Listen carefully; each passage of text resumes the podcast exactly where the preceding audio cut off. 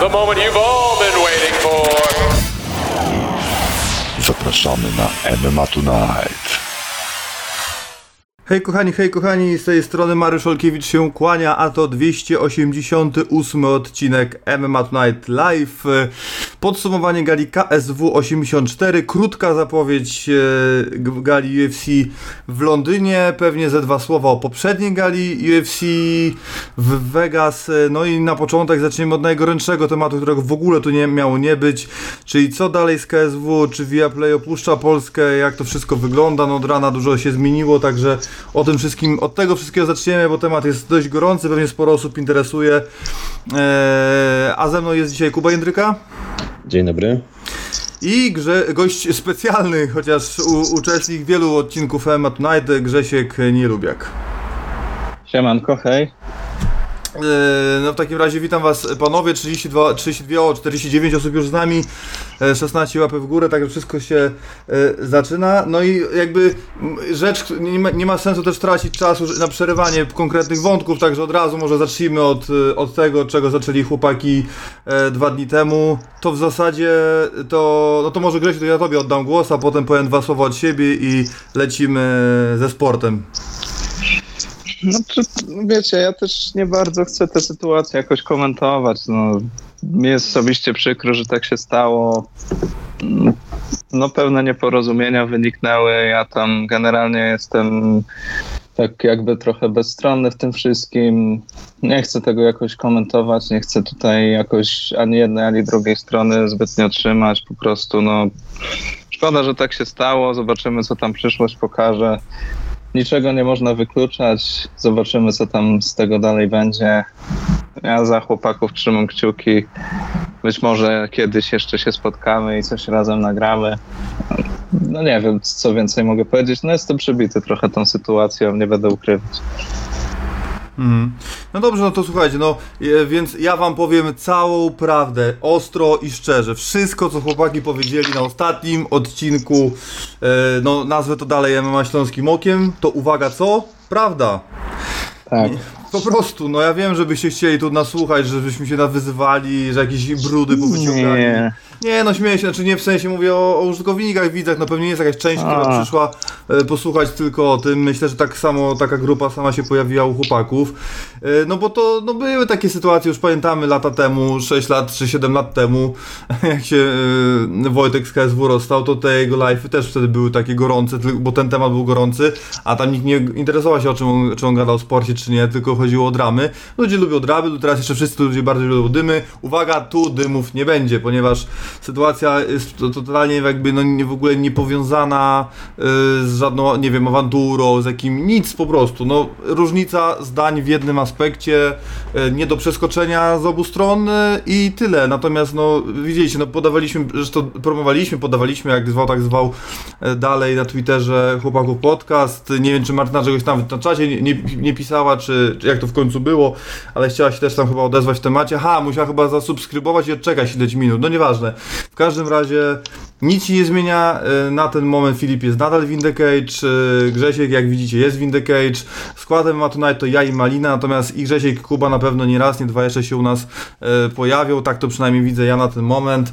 I tyle. No i nie ma tematu jakby w ogóle, jakby nie ma w ogóle o czym rozmawiać tak naprawdę, no bo ja wiem, że każdy by chciał wyciągnąć jakieś smaczki, ale smaczków nie ma. A jakby te smaczki były, no to jesteśmy wszyscy na tyle profesjonalni i dorośli, że no nie będziemy tego przecież publicznie E, prać i udostępniać screenów naszych e, rozmów, także to tyle w temacie i jak ktoś o to zapyta jeszcze raz w trakcie podcastu tego albo kolejnych 288, no to będę odsyłał do tego odcinka, bo do początku tego podcastu, także śmiało możemy przejść e, do tematu Viaplay i KSW. No, zastrzelili tak naprawdę nas, zastrzelił nas KSW, tam tak naprawdę wyciągnięty został temat jakby nie do końca, była konferencja, była prezentacja i został wyciągnięty screen z tej prezentacji, potem było kolejno chyba był Kasper Sosnowski ze Sportpol, który wydał, wrzucił oświadczenie e, via Play Sport Polska. Z tego co mi się, co ja przeczytałem, to via Play Sport Polska miał się spotkać jutro i jutro z szefami porozmawiać na ten temat.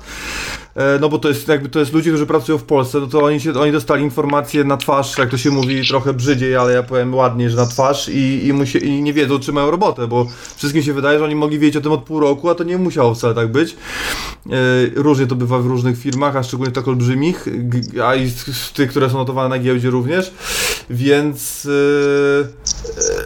to była jedna informacja. Następnie informacja, która uzyskałem od Martina Lewandowskiego, którego, bo dużo osób czekało na wywiad, ale no nie było tego, nie, tego ten wywiad się nie pojawił na dniach, ponieważ Martina zdaje się cały czas nie ma w Polsce, jest po prostu na jakichś dłuższych wakacjach. E, ale tak mimo wszystko e, był na tyle uprzejmy i wysłał na stanowisko KSW, no więc wszystko macie napisane u nas na stronie. W zasadzie no nie mam co tego, co tego e, czytać, natomiast no informacja jest taka w skrócie, że KSW na pewno do końca roku nie ma się o co martwić, bo podejrzewam, że mowa była do końca roku minimum. Wiadomo, że jakby warto zrobić sobie poduszkę bezpieczeństwa, ją jest, nią jest oczywiście KSW TV. Dużo osób pisało w trakcie tych wszystkich streamów, które padały, że KSW TV lepsze i wolałbym KSW TV, ale nie mogę, bo VPN-y, bo jakieś trzeba kombinacje alpejskie robić. No więc y, prawdopodobnie KSW rozejrzy się i poszuka miejsca y, na rynku poza Viaplay, no bo informacja jest taka, że no zrobił audyt i zobaczymy, no ale wiadomo co to znaczy, no jak się przecież to jest 50-50, no to KSW nie może się dowiedzieć 31 grudnia, że to jest koniec i od pierwszego zacząć szukać, tylko muszą to zrobić znacznie wcześniej. Także e, Kuba, ciebie najpierw zapytam, mm, no jakie ty, ja widzę opcję 3, do, tych, do tego przejdę na końcu, jakie ty widzisz opcję, która, mówię o nowym roku oczywiście, o, po, o momencie jakby, o, po zakończeniu umowy z Viaplay, jakie ty widzisz opcję, jaka powinna być najkorzystniejsza, jaka najbardziej realna, jakie są twoje spostrzeżenia na ten temat ogólnie? To znaczy, no ja uważam, że bez sensu jest się tykać tego tematu póki co, bo, bo wiemy tyle co nic tak naprawdę. E, myślę, że KSW jakiś e, powiedzmy swój patent na to wypracowało e, i myślę, że na pewno jakąś awaryjną metodę, żeby, żeby transmitować galę mają. Słyszałem no to są gdzieś tam pewnie plotki, ale, ale takie, że, że być może TVP będzie zainteresowane. E, to ja myślę, że KSW umie zadbać o swoje interesy i zrobią coś, żeby, żeby jakby dalej ten, ten poziom utrzymywać, czy nawet go windować do góry i, i niespecjalnie mnie to martwi, chociaż Viaplay szkoda, bo, bo dla mnie jako kibica wielu sportów, to była fajna platforma, gdzie za, no, no ja miałem ją w pakiecie w ogóle od swojego operatora, y, gdzie, gdzie miałem w tym wszystkim y, ligę angielską, którą nałogowo oglądam, y, wszystkie KSW, dostęp y, do tego VOD i tak dalej, więc y, nie, nie, nie, nie narzekałem na to. Nie wiem dlaczego ludzie tak hejtowali Viaplay, bo moim zdaniem super platforma. No a co będzie, no to nie wiem, no, no tak trochę wróżenie z fusów to jest póki co, więc e, nie wiem, nie, nie widzę za bardzo sensu e, roztrząsania tego tematu. Mm, Grzesiu, jakie są twoje spostrzeżenia? No bo ja nie wiem, czy ty jesteś w tej grupie osób, która akurat, no miałeś z Viaplay mnóstwo do czynienia, tak naprawdę na żywo, bo ja na żywo to tylko raz, chyba tak mi się wydaje. Miałeś dużo więcej do czynienia z KSW na żywo, na via platformie Viaplay, więc masz pewnie dużo więcej do powiedzenia niż my, bo w sumie ja i Kuba rzadko na żywo oglądaliśmy. To jakie są twoje spostrzeżenia?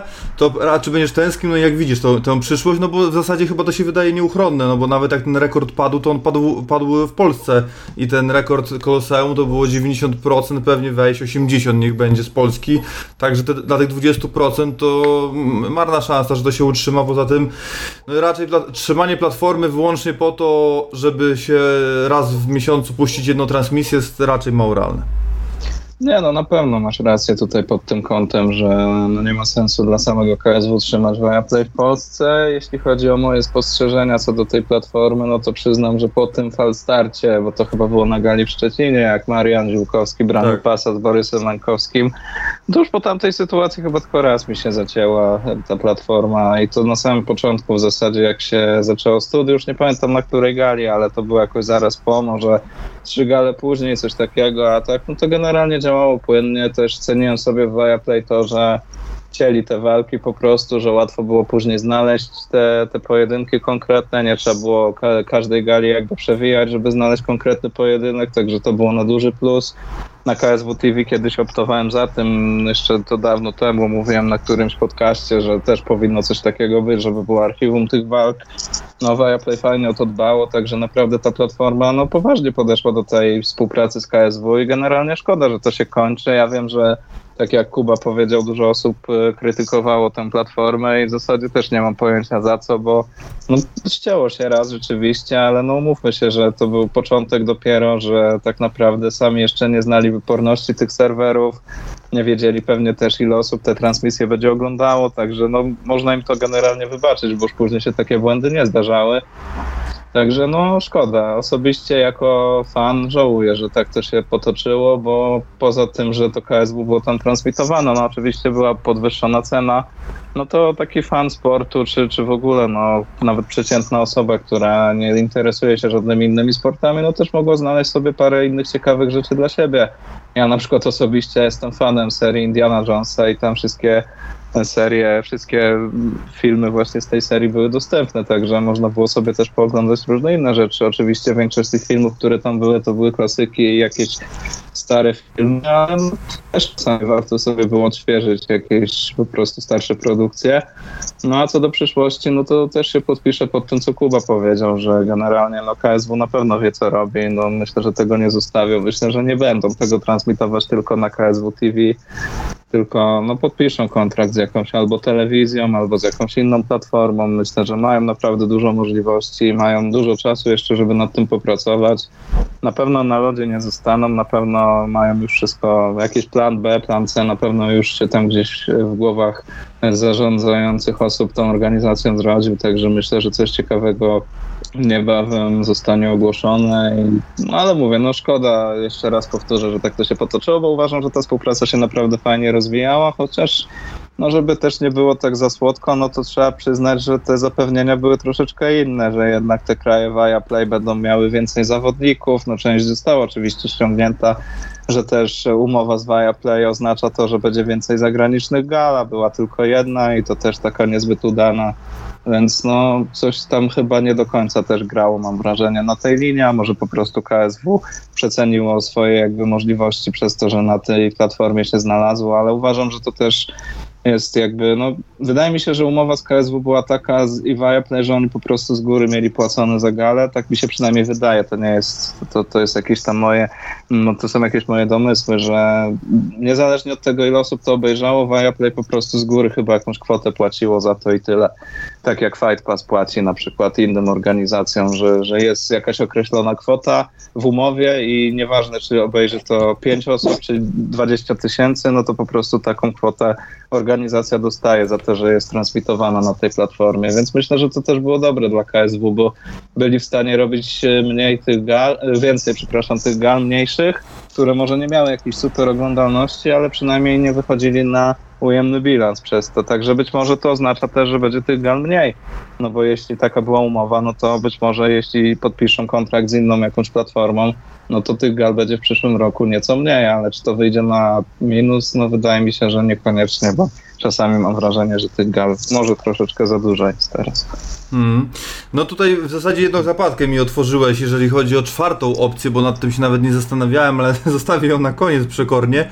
Y, pierwsza rzecz, no to oczywiście powrót do Polsatu, no to to jest sytuacja, w której wracamy do starego trybu, czyli jakby e, no pay-per-view, no to jakby cyfrowy Polsat, pay-per-view, no oczywiście wszystkie kablówki i tak dalej, i tak dalej, i tak dalej. Cena, no nie, nie spodziewałbym się, chociaż przy 12 galach to może i mogłaby zostać bo chciałem powiedzieć, że wyższa w sumie, bo ta tak zwana inflacja, yy, kredyty, rachunki, rodzina, wiadomo, ale może by była niższa nawet, więc to jest jedna z opcji na pewno, bo tak jakby, no słuchajcie, podobno Gronda gdzieś tam sprzedaje w granicach 30 tysięcy, tych ludzi nikt nie zna, ja wiem, że mają swoją publiczność, ja wiem, że były gale KSW, jak nie wiem, ta Akop Kołecki, która nie poszła za dobrze, no ale no nie, no nie wiem, no nie, przy 12 galach chyba mało prawdopodobne jest, żeby, żeby gala taka jak jak e, ruchała e, Parnas, spadła poniżej 30 tysięcy, przeliczając to na razy 40 zł, no to wychodzi niezła kwota generalnie, więc tak naprawdę to plus sponsorzy i tak dalej, więc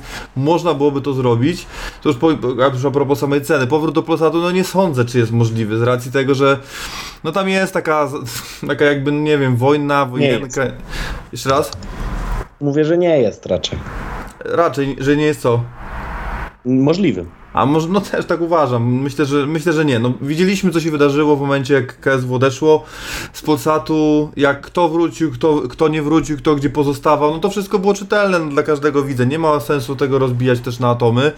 Więc to jest najmniej prawdopodobna opcja. No ta opcja z KSW TV.com, y, no dobrze mówię, KSW TV.com wyłącznie, no to to jest ich poduszka. No to jest opcja w, jakby y, ostat, znaczy, ostateczna. No i cały czas nam sprzedają rzeczy, y, więc to jest opcja. Cały czas mają taką opcję, tylko po prostu to się może nie opłacić. W sensie, że ta platforma może być za, za słaba i jakby no cała promocja, wtedy cały marketing, wszystko jest w rękach KSW, nic nie należy do broadcastera. No więc no jest to jakieś pewnie obarczone jakimś ryzykiem i być może spadkiem jakości rozpisek, ale chociaż ja wiem, może niekoniecznie, natomiast no to, to, to jest opcja, do której nikt im nie zabierze, no bo umówmy się, no trochę tak jakby dużo osób podchodzi do tego, że jakby KSW jako największa organizacja w Polsce nagle została na lodzie, że jest bzdura totalna. Oni się, o KSW się będą bić. Ja nie wiem ile platform i ile telewizji, ale o taki produkt się powinni wszyscy bić i w zasadzie jakby Polsat mm, myślał biznesowo,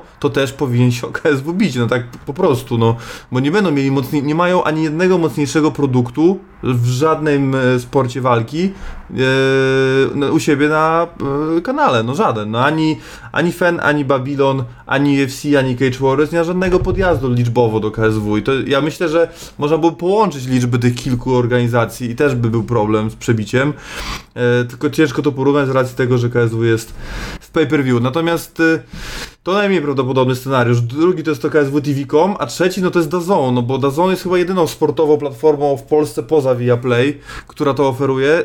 Ja czytałem wyniki, nie wyniki finansowe, no można tak nazwać, wyniki finansowe z jednym z kwartalników sportowych, chyba drugim numerze.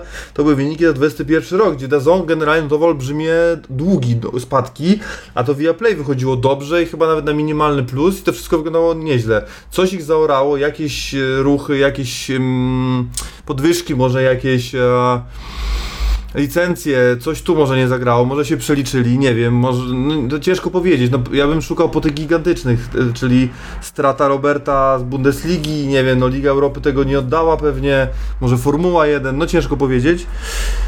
Ja bym y, w to dazobym, bo KSW kiedyś robiłem wywiad z Martinem z do odkopania w Gorilli na takim niebieskim tle, żeśmy siedzieli, takie one by chyba dwa te wywiady tylko, więc łatwo byłoby to odkopać. I e, tam był chyba temat Wrzoska i Glory, to same początki były, no do odkopania. I tam był temat, że KSW jest na Dazon, tylko poza Polską gdzieś no to już jest jakiś początek zawsze do rozmów. Jeśli Dazon byłoby w stanie, bo to jakby mogłaby być dźwignia dla nich tak naprawdę w Polsce. Ja nie znam nikogo, kto ma Dazon w Polsce wykupione, bo tam jest tylko box chyba e, ze sportów takich, które kogokolwiek interesują w Polsce, a dalej box to i tak prawie nikogo, więc ja bym tu szukał opcji. Moim zdaniem to chyba jest taka naj, naj, najrozsądniejsza opcja, no obok powrotu do Polsatu, który jest najmniej prawdopodobny po prostu i, i tyle, więc ja bym to tak Dazon, KSW TV i Polsat, no ta opcja z tym TVP jest całkiem ciekawa, tylko tak jak dzisiaj, dzisiaj roz, trochę o tym rozmawialiśmy, nie ma, a Eleven jeszcze jest, o czym pisze, faktycznie, no ma to sens, znaczy ma, jest tak, jest Eleven, to prawda, e, więc to jest jeszcze jakaś pewnie może i opcja, nie wiem, Eleven generalnie należy do bardzo dużej i olbrzymiej generalnie firmy, która ma w kilkuset chyba nawet krajach prawa do nie tylko Premier League i tak dalej, i tak dalej, olbrzymia firma, nie mogę sobie przypomnieć jak ona się, jak ona się nazywa, coś tam Ensilva, coś tam Company Entertainment, wiadomo jak to te firmy się nazywają, to to jest, jest też faktycznie jakaś opcja, no nie wiem czy Kanal Plus ma takie pieniądze, natomiast co do TVP to tylko problem jest taki, że nie mają gotowej platformy, musieliby ją po pierwsze stworzyć, mają kim komentować, bo tak naprawdę y, komentatorzy mogliby zostać, bo i Maciek Turski, Dominik Durnia, no i zawodnicy KSW, i Mateusz Borek, no bo żyją wszyscy dobrze z TVP, to jest, jest taka opcja. Mają też swoich, bo tam jest Patryk Propulski chyba i nie pamiętam imienia Jagiełło, nie, Piotr Jagiełło chyba. Mają swój magazyn tak naprawdę, yy, jakiś tam w ringu, ring czy w ringu, jakoś tak to się nazywa, więc coś tam mi się dzieje. No współpracują z kanałem sportowym poniekąd. Yy, no tylko mm, jak to spieniężyć, bo żeby nie wyszło, że tak, po pierwsze to nie, dwa, nie dadzą rady nie 12 gal zrobić, to jest jedna rzecz. Druga rzecz jest taka, że nie, ma, nie stworzą platformy pay-per-view i będą chcieli się oprzeć o reklamy, a jak się oporą o reklamy, to będziemy oglądali te reklamy między rundami. Tego bym chciał po prostu uniknąć, żeby nam się transmisja zacznie o 18 i main event będzie zaczynał się między północą a pierwszą. Tego bym chciał jednak uniknąć, a przy reklamach wciskanych wszędzie, gdzie się da, żeby zarobić na, na ten produkt, no to to jest jednak możliwe. Do tego pewnie zrobiliby krótką umowę, co by powodowało z opcją przedłużenia, żeby sprawdzić, czy w ogóle TVP, czy to żre, no bo słuchajcie, no mi się wydaje, że nie żre MMA na, na, na platformie, na TVP, nie na platformie, tylko na TVP Sport, ponieważ no Bellator przepadł, PFL przepadł, PFL przepadł i tu i tu zresztą. E, One chyba jeszcze ciągnął, ale to tam musi być za jakieś 8 złotych. Ale no porównujesz i... lokalny produkt do światowych. No oczywiście, nie, nie, no tylko mówię, że jakby no nie obroniło się to MMA, jako MMA po prostu, oczywiście, no AC no, spadło, MMA, wiadomo. KSW w Polsce jest czym innym, no. Oczywiście, oczywiście, no tylko tak jak mówię, no jeżeli będą w stanie, nie, nie, nie mówię, wyrównać ofertę, no tylko dać na tyle atrakcyjną, utrzymać 12 gal, no to z czegoś to się musi zwracać, no nie, nie ma cudu, to tylko dwie dźwignie finansowe, reklamy i pay-per-view, bo sponsorów te, telebroadcaster nie może dotknąć, oczywiście mogą dać czas antenowy KSW 12 razy, razy i 12 razy w miesiącu nawet i KSW kupi od nich wozy i stać ich na te wozy, w sensie na wypożyczenie tych wozów, ekipy i tak dalej. No tylko no nie, no nie, no nie jestem przekonany, czy to się po prostu to o to chodzi, bo boję się po prostu, że wtedy walka Morika Barrio będzie main eventem i, i tego bym się po prostu bała. Mameda zobaczymy no, raz już. Nie zapominaj, że TVP naprawdę ma, yy, ma swoje finanse, no. No ja rozumiem, no dlatego się zastanawiam, no tylko no pytanie, czy to jest kwestia jakiejś, nie wiem, cierpliwości, wiesz, teraz też podjąć taką decyzję przed wyborami, a mówmy się, że one mają znaczenie pewnie dla tego, co się dalej z telewizją polską będzie działo, no to to, to się na pewno nie wydarzy, więc takie rozmowy się mogą zacząć naj, najwcześniej w listopadzie, jeśli w ogóle. To też jest jakiś faktor. Także mówię, no ja bym szukał, w sensie, no nie wiem, no ja bym się spotkał ze wszystkimi zainteresowanymi, a tacy się na pewno już znajdą lada moment, porozmawiał, no i wybrał ofertę najlepszą, no tyle, tu nie ma, nie ma żadnych jakby... No to tak na razie nie ma co o tym gadać chyba, bo to jest tak jak mówiłem, to jest trochę wróżenie z fusów, no KSW sobie myślę poradzi bez naszych podpowiedzi. No, a to na pewno. I Eleven, a no i ta rzecz ostatnia, której chciałem powiedzieć, o której Grzesiek powiedział, a która w ogóle mi nie wpadła do głowy, a która byłaby najlepszą możliwą opcją, przynajmniej w mojej opinii, to jest Fight Pass, bo w sumie dlaczego nie? Nie wiem, no pieniądze tam są. Dla fani MMA zachwyceni, bo i tak za to płacą. Większe, no nie wiem jak dużo fanów płaci w sumie jak jest w Polsacie, no ale dużo płaci, a to jest 10 euro. To za 10 euro już masz wszystkie UFC, wszystkie KSW, no to już jest win-win sytuacja absolutna.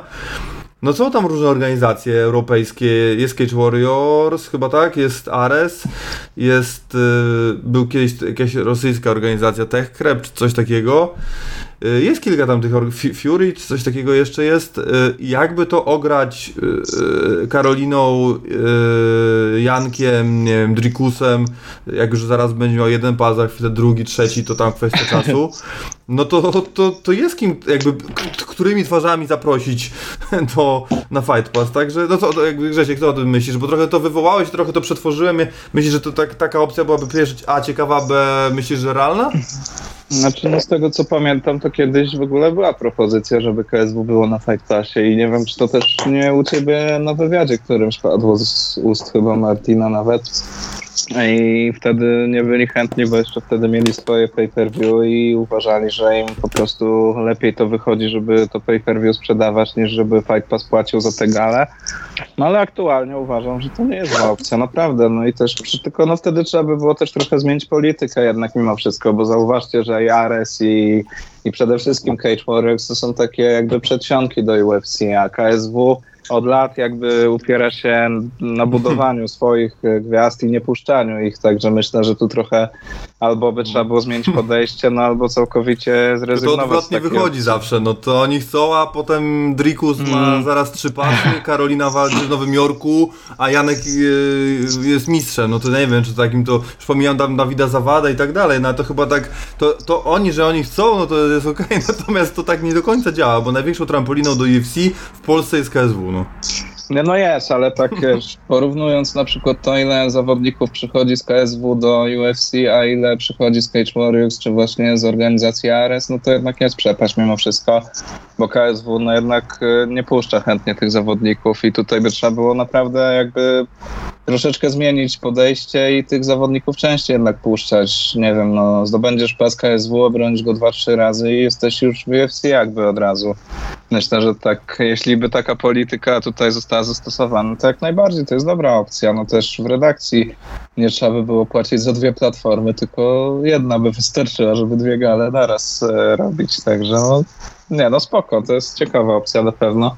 Jeśli będziesz niebawem jakiś wywiad przeprowadzał z kimś z KSW, no to warto o to dopytać, bo to jest naprawdę fajny pomysł, tak szczerze mówiąc. Ja myślę, że tu nie ma w sumie, bo tak, jakość top, dostępność top, biblioteka, no jakby jeżeli chodzi o platformę, to UFC Fight Pass to jest absolutnie top, no nie wiem, czy tam Netflix jest lepszy, czy nie jest, ciężko porównać, no na pewno Viaplay nie jest, ani Amazon, wątpię, czy Disney, jeżeli chodzi o jakby to, jak to działa, jak to wszystko tam jest dobrze zrobione, jak jest intuicyjne, proste w obsłudze w sumie, no to tak naprawdę to jest topka na świecie w ogóle, tak mi się wydaje, jeżeli chodzi o, o aplikacje streamingowe. No to także dla mnie to, to zajebisty by był pomysł, yy, czy nie pomysł, tylko, tylko opcja. Także no ja trzymam kciuki za to. Yy, poświęciliśmy na to już pół godziny, także no nie ma co. No czekamy, aby, oby tak się wydarzyło.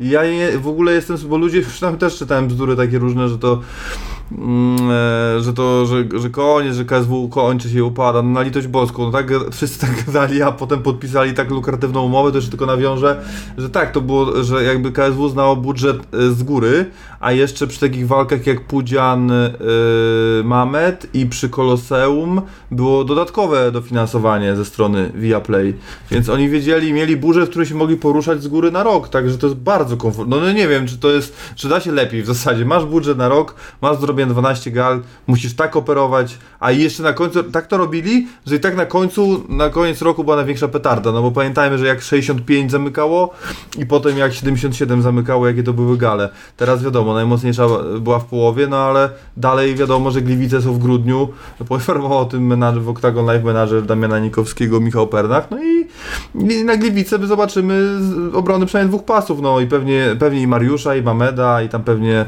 e, kogoś jeszcze, także tak, no to naprawdę, no nie, nie wiem, no można w różne organizacje nie wierzyć, y, a na razie tak wszy- wszystkie, które się nie wierzy, to wszystkie są. Jest KSW, nie upadło, FEN nie upadł, Babylon nie upadł, TFL nie upadł, y, nie wiem, powstaje Cave, Carpathian, y, powstaje, teraz nowa jakaś organizacja, już nie mogę, nie, nie pamiętam, y, Strife sobie świetnie radzi, dogadało się z TFN Turbo i wygląda i z kanałem sportowym wyglądał bardzo dobrze, znaczy ma, prawie nikt nie upada, no generalnie jest, a jeszcze jest Wotory, jeszcze jest Gromda, świetnie sobie radzą gdzieś w swoim, mm, swoim poletku, więc no są jakieś tam takie turbo małe organizacje, które gdzieś tam nie dowożą czasami, ale poza tym to tak naprawdę nie ma jakichś spektakularnych upadków, a, a, a szczególnie w wypadku takiej marki jak KSW, która po prostu się nie musi sama finansować, tak jak wiele organizacji na, e, w- wyłącznie w systemie pay-per-view, ponieważ no, są na tyle atrakcyjnym produktem, że nie powinni narzekać na brak ofert. Przechodzimy do KSW 84. Mm, No nie za bardzo wiem, czy mm, jest sens ruszać temat pierwszej walki.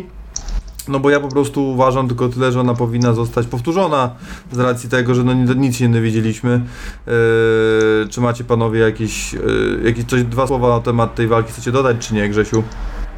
No, też myślę, że powinien zostać zorganizowany rewanż, bo szkoda, bo pojedynek się zaczął coraz bardziej rozkręcać. Szkoda, że tak to się zakończyło, ale no uważam, że znaczy to w ogóle był całkiem ciekawie, ciekawie zestawiony pojedynek. Jak tak spojrzałem później na to, jak, jak ta akcja w klatce wyglądała. Na początku mnie ta walka w ogóle jakoś nie ciekawiła, bo to byli dwaj zawodnicy, którym w KSW za bardzo nie poszło, ale uważam, że naprawdę tutaj Patryk Krowek przede wszystkim naprawdę fajnie się pokazał. Agresywnie wszedł w tę walkę.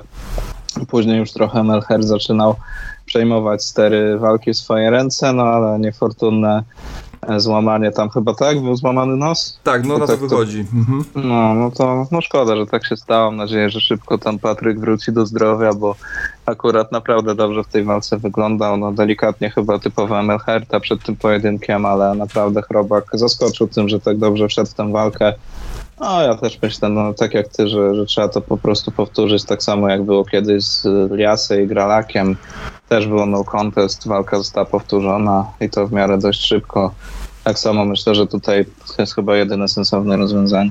Hmm. To jeszcze tylko odpowiem dzbanowi wiśniowemu, czy XTB jest zależny od Viaplay. No, no nie, no bo XTB to XTB, Viaplay to Viaplay. XTB chyba też ma umowę do końca roku, no bo to była mowa o 12 galach z opcją przedłużenia jak zwykle i tak samo jest chyba z Viaplay, także to raczej tutaj się nic, nic nie zmienia.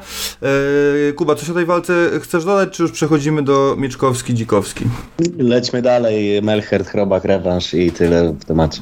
No dobrze, no to w takim razie jak jesteś przy Mirowonie, to Mieczkowski, Czy byłeś zaskoczony tym, y, że kto wygrał i jak ta walka wyglądała? I tutaj tylko dodam od siebie, czy masz też takie poczucie, bo przeczytałem takich, mm, no nawet niestety u nas na czacie, przykro mi, bzdur, że balon pękł. No nie wiem, czy przy zawodniku 3-0 może być takiego jak balon pękł. No genialnie się Borys od, odnalazł medialnie, ale czy to od razu ktoś mówił, że on za dwie walki będzie lał Pawlaka, y, to nie sądzę.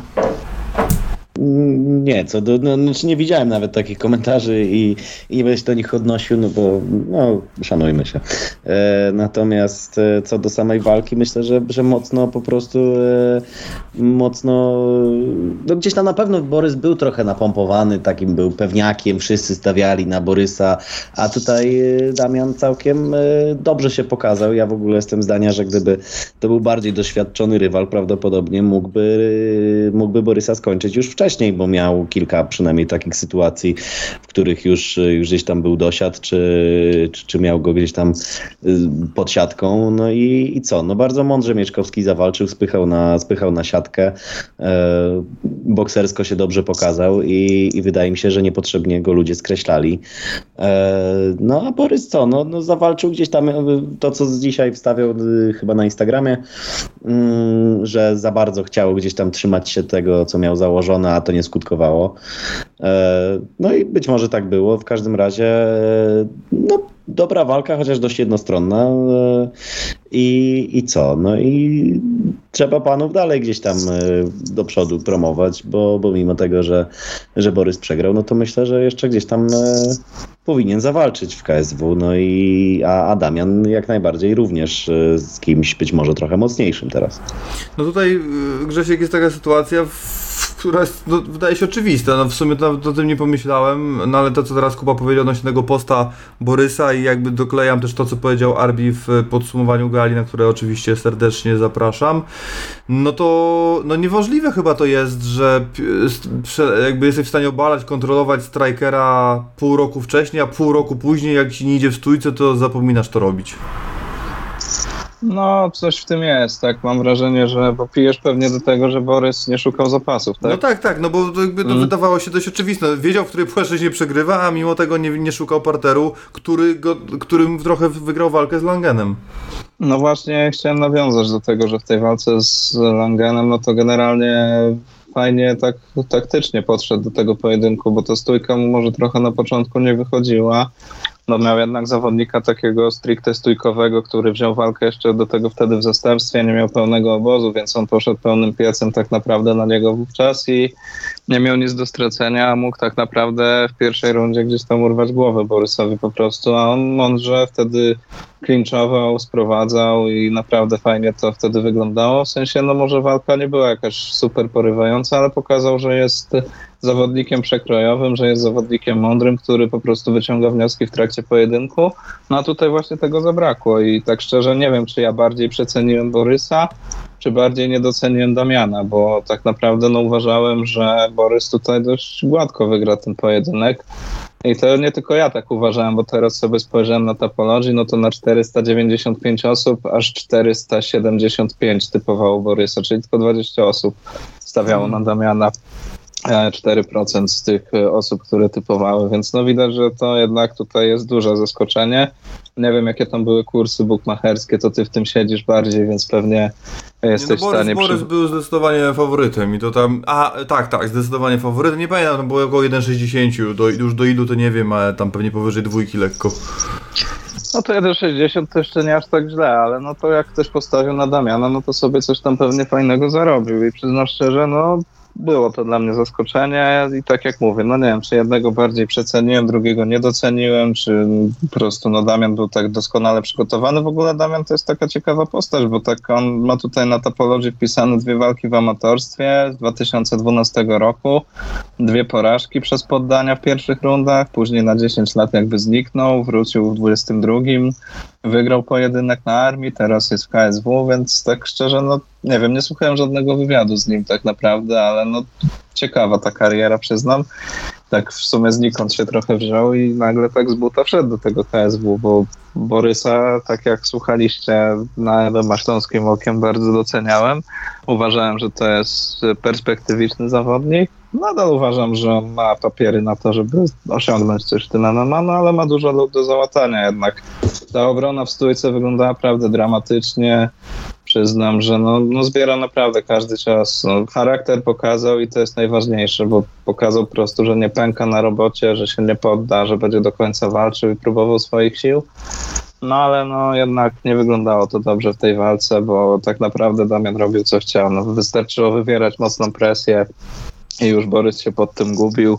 Prawda, każdy cios praktycznie dochodził celu, więc no, kiepski występ Borysa, ale jeszcze młody jest, ma teraz naprawdę tutaj materiał do tego, żeby wyciągnąć mnóstwo wniosków ze swoim sztabem, poprawić te błędy, bo to też jest już zawodnik, który jakieś doświadczenie ma, no to już jest jego trzecia walka też dla KSW, więc myślę, że jeszcze coś z tego będzie, ale no dużo pracy przed nim na pewno, bo ta walka dużo obnażyła jednak. Już ta walka z Langerem trochę też pokazała, że jednak to nie jest tej stójce tak, jak by się zapowiadało po tej pierwszej walce, gdzie tam rzucił sobie to wysokie kopnięcie, idealnie trafił i znokautował.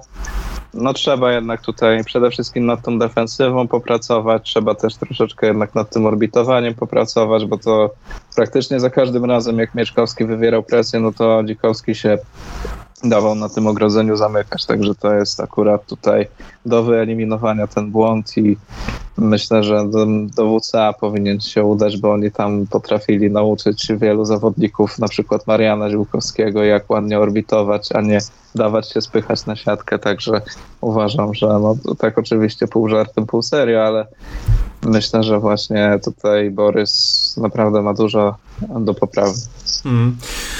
No tak, no tutaj co do przyszłości, yy, bo tym wątkiem chciałbym zamknąć ten, tę walkę i iść dalej, yy, bo mamy ich jeszcze 8, no to ja bym zagrał grubo, no co tak jak też wspominałem w tym wspomnianym wywiadzie z Arbim, yy, ja bym zagrał grubo z Mieczkowskim, on ma 30 parę lat, 6 chyba w ogóle jakoś tak więcej, żona go chyba namówiła do tego, żeby zawodowo startować, wygrał, ja bym zagrał grubo, no bo on też nie do końca chyba ma czasu na to, aby szukać mu zawodnika 2-0 teraz, ja bym zagrał Nikoliczem. No dlaczego nie w sumie? No Nikolicz też nie wyglądał dobrze. Teraz myślę, że spokojnie Mieszkowski mógłby sobie z nim poradzić jak najbardziej. No. To jest, w sensie, no nie widzę sensu też jakby nie ma co Nikolicza jakoś tam też mega dużo cofać w tym, no ale nie ma go w rankingu, Mieczkowskiego nie ma w rankingu, pewnie gdzieś są nawet blisko siebie, bo w tym 8-4 nie ma wielu tych zawodników aż tak, także ja bym w to zagrał All Inclusive, All, all In, przepraszam, co ja z tym All Inclusive, e, za dużo już o wakacjach myślę pewnie. myśli. No właśnie. Gustavo Oliveira, Bruno Augusto dos Santos i mamy drugą walkę, w której wygrywa underdog, no bo ta gala taka trochę po kursach miała być, a wyszło, że nie jest po kursach. E, no, no czy nie, no wiadomo, wygrał, koniec, nie ma tematu. Tak, pamiętajmy, taką, pamiętamy walkę Pantery z koreańskim zombie. Przegrywa, e, jeden zawodnik przegrywa 15 minut, a 4,59 trzeciej rundy e, ten, który przegrywa, odwraca pojedynek. No to było w piątej rundzie. W piątej, no, no tak, faktycznie to było w piątej rundzie, no więc no, no już nie pamiętam, czy wszystkie pierwsze grywał, pięć rund, ale na pewno... Nie, coś tam wygrał. Coś tam chyba kartę, wygrał. No, ale no przegrywał, na pewno na punkty by przegrał, jakby to doszło do decyzji. Więc można, no i tutaj była trochę sytuacja podobna, bo to chyba trzecia runda i nie końcówka, no ale 1.34 E, trzeciej rundy e, i Gustavo Oliveira e, obrotowym łokciem, ale nie pierwszym, więc nie można powiedzieć, że e, Lucky Elbow kończy Bruno do Santosa, ale z tym Bruno Santosem jest duży problem, do tego przejdziemy e, i dwa słowa o samej walce, Kuba, co byś, co byś dodał? No kurczę, szkoda mi Bruna troszeczkę, bo, bo no, trzeba pamiętać, że no owszem, on nie ma dobrego bilansu w KSW, no ale walczył z, y, z trzema mistrzami, jak dobrze pamiętam, tak? Bo Tak, walczył tak, z Antunem, walczył z Sebą i walczył z Wikłaczem, więc, y, no, więc jakby no nie był. Słucham? I z Raciczem. No to powiedziałem sam tu. Aha, przepraszam.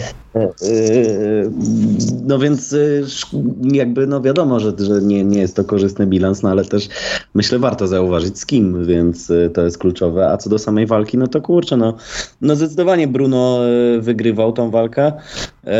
Ciekawą rzecz właśnie potem Marian po gali powiedział, czy, czy nie była szansa na przykład, żeby lekarz dał zawalczyć jeszcze te, te ostatnie kilka minut tej trzeciej rundy, bo wtedy pewnie Bruno by wygrał, no ale wiadomo, no zdrowie jednak jest ważniejsze niż te zielone czy czerwony kwadracik w, na Sherdogu, więc, e, więc pewnie decyzja lekarza słuszna, natomiast e, no szkoda Bruna, no a Gustavo Kurczę, no nie wiem, czy jest sens gdzieś tam go pchać też dalej, no bo pamiętamy, jak jego walka z Surdynem wyglądała, gdzie y, Surdyn i tak od tamtej pory jeszcze, myślę, sprogresował, a, a już wtedy no Gustavo był tłamszony, jak nie, nie wiem, czy tam przypadkiem jedna runda nawet wtedy 10-8 nie była, kiedy oni walczyli, e, więc... No nie e, wiem, czy nie więcej niż jedno.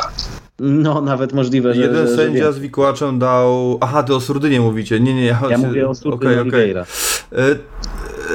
O kurde, teraz było 26? Na pewno jedna runda na pewno była 10-8 z tego, co pamiętam. A... Mogło tak być. A może, a może i nawet dwie, więc, y, Może. no więc pytanie, kogo zestawić, no bo myślę, że, e, że nie jest tu łatwa, chociaż no fakt faktem przybyło trochę tych zawodników y, w wadze koguciej, no bo chociażby Filip Macek, chociażby właśnie ten Islam Dżabrilow.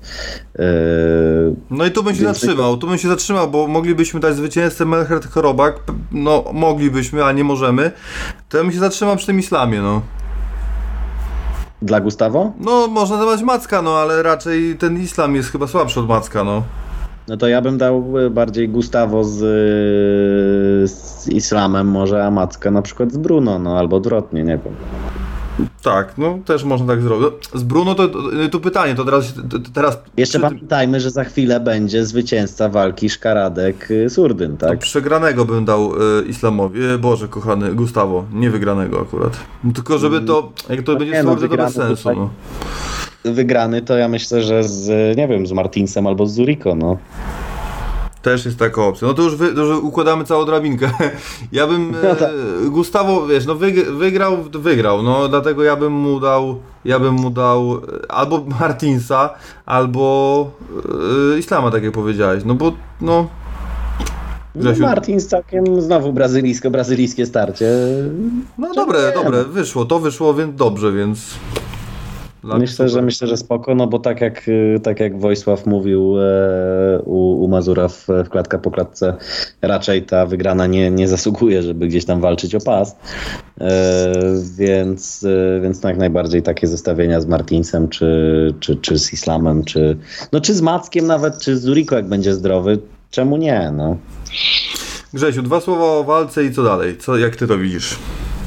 No ja generalnie odsyłam wszystkich, bo nie wiem, czy czytaliście, czy nie, ale Fabian fajny felieton skonstruował na łamach naszego portalu właśnie podsumowanie tej gali. Napisał tam fajną rzecz, że to 1-4 w KSW właśnie Bruno dos Santosa, no to jest takie chyba najgorsze jakby 1-4, no bo no, to kompletnie tak nie świadczy o jego umiejętnościach. Jak ktoś spojrzy na suchy bilans, że ma 1-4, to pomyśli, że ogórek, że jakiś tam brazylijski król knockoutu z faweli ściągnięty i te jakieś tam różne inne podśmiechujki, a tak naprawdę no gość ma strasznego pecha też trochę w tym KSW, bo bierze walkę w zastępstwie o pas, przegrywa w zasadzie 3 do 2, później dostaje dwóch mocnych zawodników, tutaj ta walka, gdzie no, wygrywa pojedynek, dwie rundy prowadzi na swoich zasadach i nagle dostaje z łokcia, no i lekarz przerywa. Ja uważam generalnie, że nie zgodzę się tutaj z Marianem, że lekarz powinien to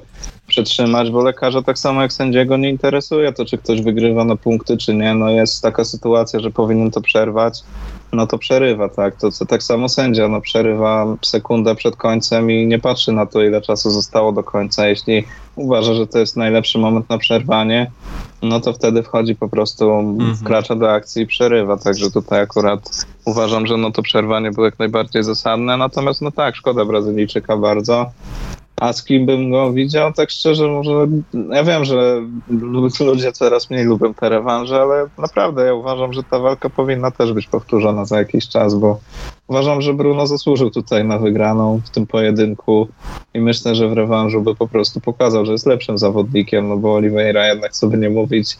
Ja nie chcę mówić, że to był jakiś lucky elbow czy coś, no wyprowadził świetny cios, znalazł na- ku temu naprawdę dobrą okazję, wygrał ten pojedynek, ale no nie można zapominać, że przez dwie pierwsze rundy wyraźnie przegrywał tę walkę. No a jak nie, no to tak, no to można by ich było pomieszać między Mackiem, między właśnie Martinsem, czy, czy tym słabym Islamem. No jest opcji dużo nawet w tej kategorii, także coś, coś ciekawego na pewno można tutaj skonstruować. Ja tylko mam nadzieję, że Bruno jeszcze dostanie mimo wszystko szansę w KSW, bo no trochę naprawdę, no ten bilans wygląda źle, ale gościu tak naprawdę poza wikłaczem to w każdej walce jakieś momenty miał. I, i Antuna naprawdę na początku mocno mu się Nie, no, postawił. nie.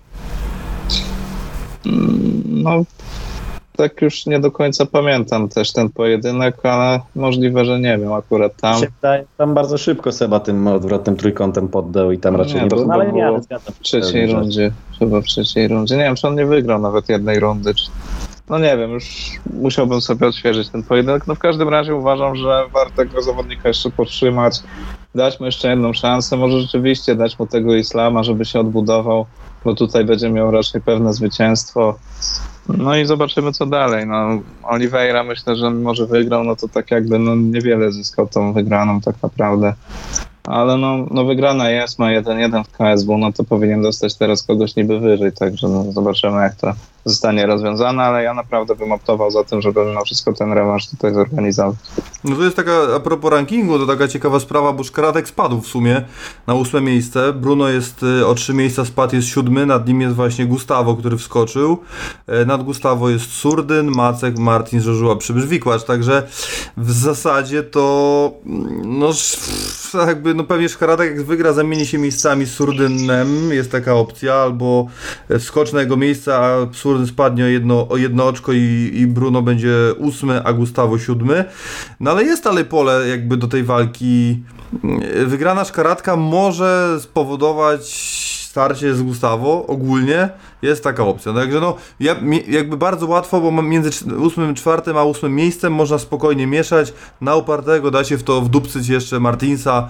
Także pff, niech tak się dzieje, chociaż Musimy poczekać na to, kto będzie walczył z Wikłaczem, no bo jeżeli Wikłaczem będzie się bił mm, e, Przybysz na przykład, co też chyba nie jest niemożliwe, jak się okazuje, to Joshua Martins można zrobić, no, jako eliminator w sumie, no bo Zuriko, no, jakby z tym Zuriko jest duży problem, bo jemu się należy, ale on ciągle wypada i to jest taka strasznie bomba, tykająca bomba i na przyszłość nie ma opcji nie, nie, nie mieć gotowego zastępstwa i to ja mówię o takim gotowym zastępstwie jak, jak w UFC, czyli przyjeżdża zawodnik, robi wagę, bo to jest już za dużo tego i to już jest, to, to, tak, to już się nie może tak dziać. E, nie wyobrażam sobie nawet, co by się wydarzyło, gdyby Kubie znów ktoś wypadł w dniu ważenia. To już nawet nie chcę myśleć, więc, więc tak, no tutaj trzeba pomieszać. A no, ale jeszcze, przepraszam, że ci wejdę słowo, ale przecież przypomniało mi się, że jeszcze jest e, dwóch zawodników, e, którzy właśnie w związku z absencją Martinsa się pojawili w KSW przecież. No tak, więc na to co Joniak, Joniak Gustavo to tak średnio chyba, no. Dlaczego? To to Joniak Bruno, jeśli już. No nie, no ale Joniak wygrał, Gustawo wygrał, tak? No to No wygrał, tylko to weszło dwóch debiutantów do organizacji. No nie wiem, no Gustawo jednak się odbił trochę, znaczy od, trochę, odbił się po tej porażce z Surdynem. Słuchaj, no można, no, no masz miejsce 9-10 pewnie, tak obstawiam, że to są te miejsca 9-10. E, pytanie też brzmi, czy, czy, pytanie brzmi, czy Szczena zostaje w KSW, bo też nie jest na 100% pewne. Znaczy, nie wiem, no myślę, że byłoby trochę słabe z KSW, jeżeli gościu bierze, organi- bierze walkę No tak, tak. ratować i, i przegrywają też nie jakoś po deklasacji, tylko po całkiem niezłej walce, e, no to wydaje mi się, że jakby powinien zostać. Mm. Słuchajcie, no opcji jest naprawdę wiele, to już musimy zostawić dyrektorowi sportowemu, a my przechodzimy do kolejnego starcia Stasiak Hinsen. No i tutaj, jak to się mówi, pierwsza walka, w której zaskoczenia nie stwierdzono i to tak naprawdę nie stwierdzono. Ja bardzo doceniam Damiana, wiem, że, wiem, ja wiem, że to jest po prostu bardzo dobry zawodnik i on raczej w tej kategorii wagowej to z rankingu nie wypadnie nigdy do, do 40. No ale no tutaj y, po prostu Pascala czas pożegnać i w zasadzie to w zasadzie to ja bym zobaczył starcie Hincen-Mikielski w Mrągowie, no. bo, bo Karol ma 0-1, więc się musi odbudować. no panowie, no... no Nie, no Hince wygrał tylko z Likusem. No, no nie, no nie wiem. Nie wiem, kogo by musiał dostać naprawdę tego yy, Re, Re, Reginaldo, czy tam jakoś nazywał, co walczył z Ruczkiem chyba na, na Torwarze, jak dobrze pamiętam. e, Ale którego już nie ma w KSW, no bo no nie, no Hincen to jest, yy, no tak, no to jest karta Fenu. już nawet wąsy jadą u kogoś, żeby go zgarnąć. Za poziom sportowy. No, więc y, tak, też, też tak. Nie, no myślę, że Hinsen już raczej po tej walce, no byłoby dziwne, gdyby dostał jeszcze możliwość zawalczenia, no bo, bo z jakiej paki? No nie no, skandaliczny występ trzeci z czwarty, na 4-3 Ale skandaliczne występy. zauważyliście, że on po każdym występie kiwa głową, że jest niezadowolony?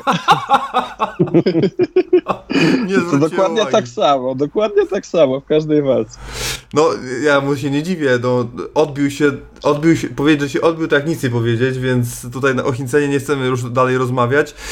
No to pytanie, bo tak, Stasiak jest oczywiście do dzisiaj, czy oczywiście, nie chcę, żeby źle zabrzmiało, że ja się z nim nie zgadzam, bo, ale uważam, że jedno obalenie zadec- zadecydowało w wyniku walki z Robertem. Niemniej jednak e, Damian Stasiak, no, chce Roberta, tylko że on tego Roberta może dostać tylko w konfi- żadnej konfiguracji.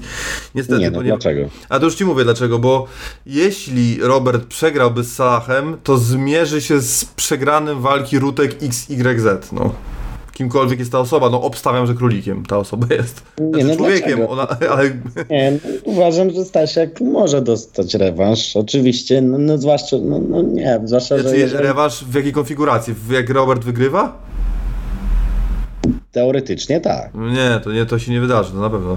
Zwycięzca No, a- Rutek dostanie, Rutek, zwycięzca walki Rutek XYZ musi być, jest, musi to być eliminator. No nie wyobrażam sobie, nie wyobrażam No, sobie, co by Rutek Ale zrobił, Jeżeli przegra, jeżeli przegra, to dlaczego Stasiak ma nie, nie, ma nie dostać rewanżu? jeżeli Rucha przegra. Tak. Mm, Wtedy się otwierają te. Furtka się otwiera, o, tak bym to nazwał. Moim zdaniem wtedy na spokojnie, no. Tam jeszcze jest Eskijew y, i Stasiak mógłby ze Skijewem się jeszcze zmierzyć.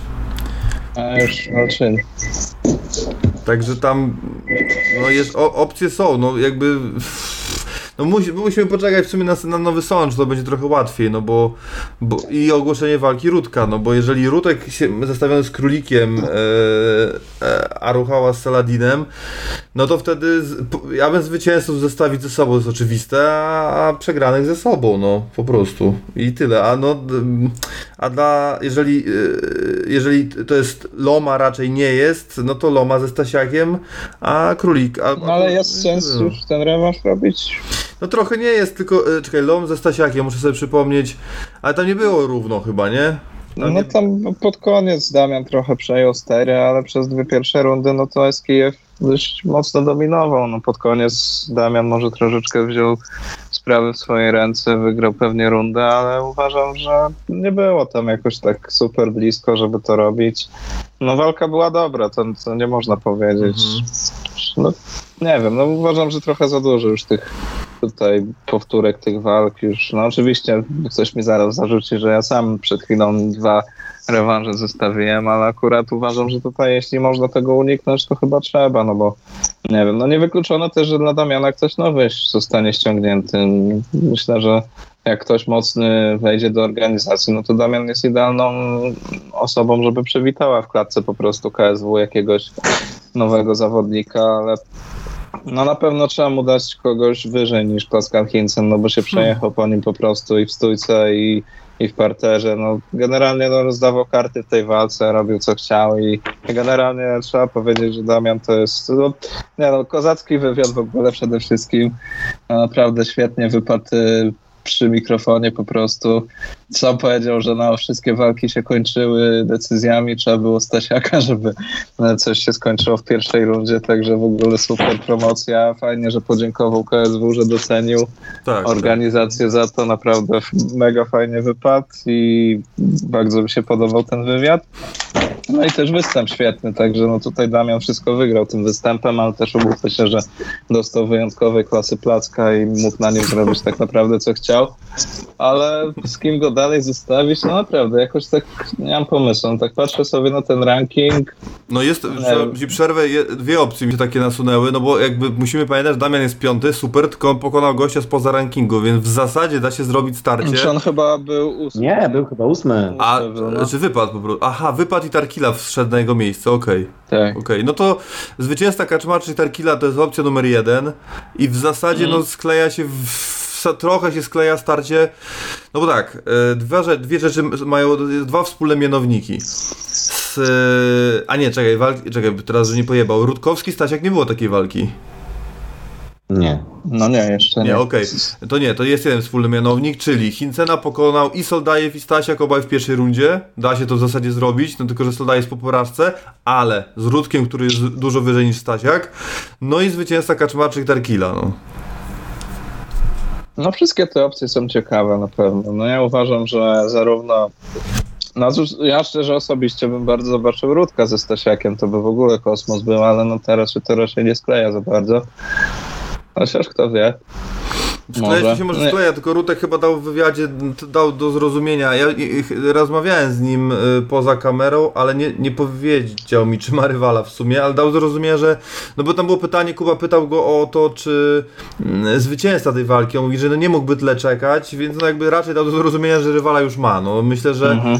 absencja królika tak długa, no bo miał walczyć w marcu, no to jak w marcu, a ma walczyć z Rudkiem na jesieni, nie wiem, październik albo listopad pewnie, no to na pewno będzie gotowy już. No ten już chyba, on już boksował chyba w maju e, normalnie, więc tak to widzę. No, y, no, no to jest parę opcji dla Damiana. No, ja rozumiem ogólnie jego podejście. No to jest tak jak powiedział Michał Pernach w oktagonie, że 50% podwyżki dla Damiana. No wiadomo, że nie dostaną 50%, no ale jakby powiedział, że chce 20, no to by dostał 10, a jak powie, że dostał, chce 50, to dostanie 25, więc to w tę stronę i podobnie robi, zrobił Damian, no chce Roberta, no ale no nie dostanie Roberta, no chociaż walka była turbo równa i jeszcze chyba, że Robert przegra, no ale to takie na razie wróżenie z fusów, więc nie możemy twardo wymyślić konkretnego nazwiska, zobaczymy, a i też jakby gdyby Robert w ogóle przegrał, no bo to też nie jest oczywiste takie, no to jak mamy go zapytać, czy chce się bić z Damianem, albo ma wyzwać po porażce Damiana, no raczej tak się nie wydarzy, więc no jakby rozumiem Damiana, o co mu chodzi, no ale to wszystko się rozegra po Galinowym Sączu, będziemy trochę mądrzejsi i nam będzie trochę łatwiej, do tego tematu z pewnością wrócimy. O samej walce oczywiście nie chcę mówić, no bo Damian zrobił robotę, miał zrobić co miał zrobić, tu się nie da za bardzo mm, omawiać tego jego występu, był po prostu bardzo dobry, więc śmiało przejdźmy do walki, która, no nie chcę mówić, że wzbudziła kontrowersję, no bo, no ale po prostu gdy jeden jeden z sędziów, chyba sędzina Paulina Bąkowska, nie pamiętam, nie sprawdziłem tego, e, daje werdykt w drugą stronę, czyli mamy split, no to otwiera pole do dyskusji. E, No i mm, Grzesiu, czy ty widzisz pole do dyskusji, czy nie widzisz? Mówimy oczywiście o starciu Fadipe Kaszubowski i niejednogłośnej decyzji. Ja uważam, że pierwszą rundę rzeczywiście Krystian powinien wygrać. Ja tak punktowałem, no ale dwie kolejne, moim zdaniem były dla Henry'ego Fadipe. I wydaje mi się, że trochę tam Artur Ostaszewski, nie wiem, czy chciał przygrać. E, po prostu, czy, czy tak pod wpływem emocji napisał, że mm, no, to była walka na w drugą stronę powinna iść, że wszyscy są zdziwieni. No ja nie wiem, kto był zdziwiony, bo moim zdaniem we- werdykt prawidłowy i ja już byłem zdziwiony tym, że to była niejednogłośna decyzja. No Krystian ogółem no, ma taki trochę surowy styl, trzeba mu oddać, że może troszeczkę więcej się tutaj ruszał w tej walce, starał się jakby bardziej tak pracować też na nogach, ale no, myślę, że on się, no ciężko będzie się przestawić, jest taki strasznie mechaniczny w tej stójce, dużo zbiera też tych ciosów, też jak próbuje te ciosy wyprowadzać, to wkłada całą siłę w nie i często też nie trafia, tak jakoś ciężko mu jest skrócić dystans, nie wiem, no, mam wrażenie, że może gdyby częściej szukał tych sprowadzeń, no bo w pierwszej rundzie czy w drugiej, już nie pamiętam, ale w którejś rundzie pod koniec był w stanie sprowadzić Henry'ego I gdyby może częściej szukał tego parteru, to, to może ten pojedynek by wygrał. No, ciężko powiedzieć, ale Fadipe też ma całkiem dobrą obronę z prowadzenia. W ogóle mam wrażenie, że on jest troszeczkę niedoceniany tutaj u nas przez to, jaki ma rekord, no bo to jest 14-10 aktualnie i, i jeden remis ale to jest naprawdę solidny zawodnik. On tam głównie na początku kariery dużo przegrywał, ale później zrobił sobie przerwę, przewartościował sobie wszystko, zmienił sposób trenowania.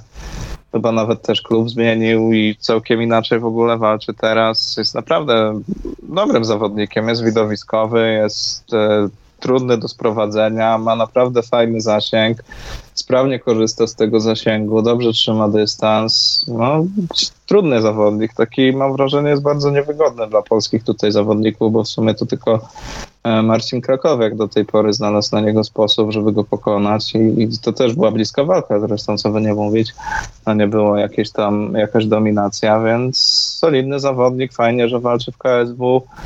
Na Krystiano ostatnio te walki nie wyglądają najlepiej, przyznam. Może ten, na początek był fajny w tym KSW, no, potknął się na Soldiciu, ale to wtedy każdy się na nim potykał.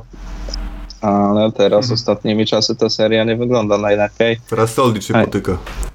tak, teraz Soldic się potyka, ale nie w KSW. No, generalnie dobra walka, no. Całkiem spoko się to oglądało. No widać, że Krystian próbował, mimo tych swoich ograniczeń. Też ta tężyzna fizyczna myślę mu trochę przeszkadza. Też ten zasięg ma trochę mały jednak mimo wszystko. No ale no, no nie był w stanie nic tak naprawdę więcej tutaj zrobić. Tak jak mówię, no może powinien trochę częściej próbować jednak do tego parteru schodzić, chociaż Fadipe sprawnie tych sprowadzeń bronił. No ale tak jak mówię, no decyzja dla mnie troszeczkę dziwna i nie powinno to być chyba pola do dyskusji nawet, bo dwie rundy wyraźnie wygrał Fadipe i jedną rundę zdecydowanie też wygrał Krystian. Hmm, yy, Kuba.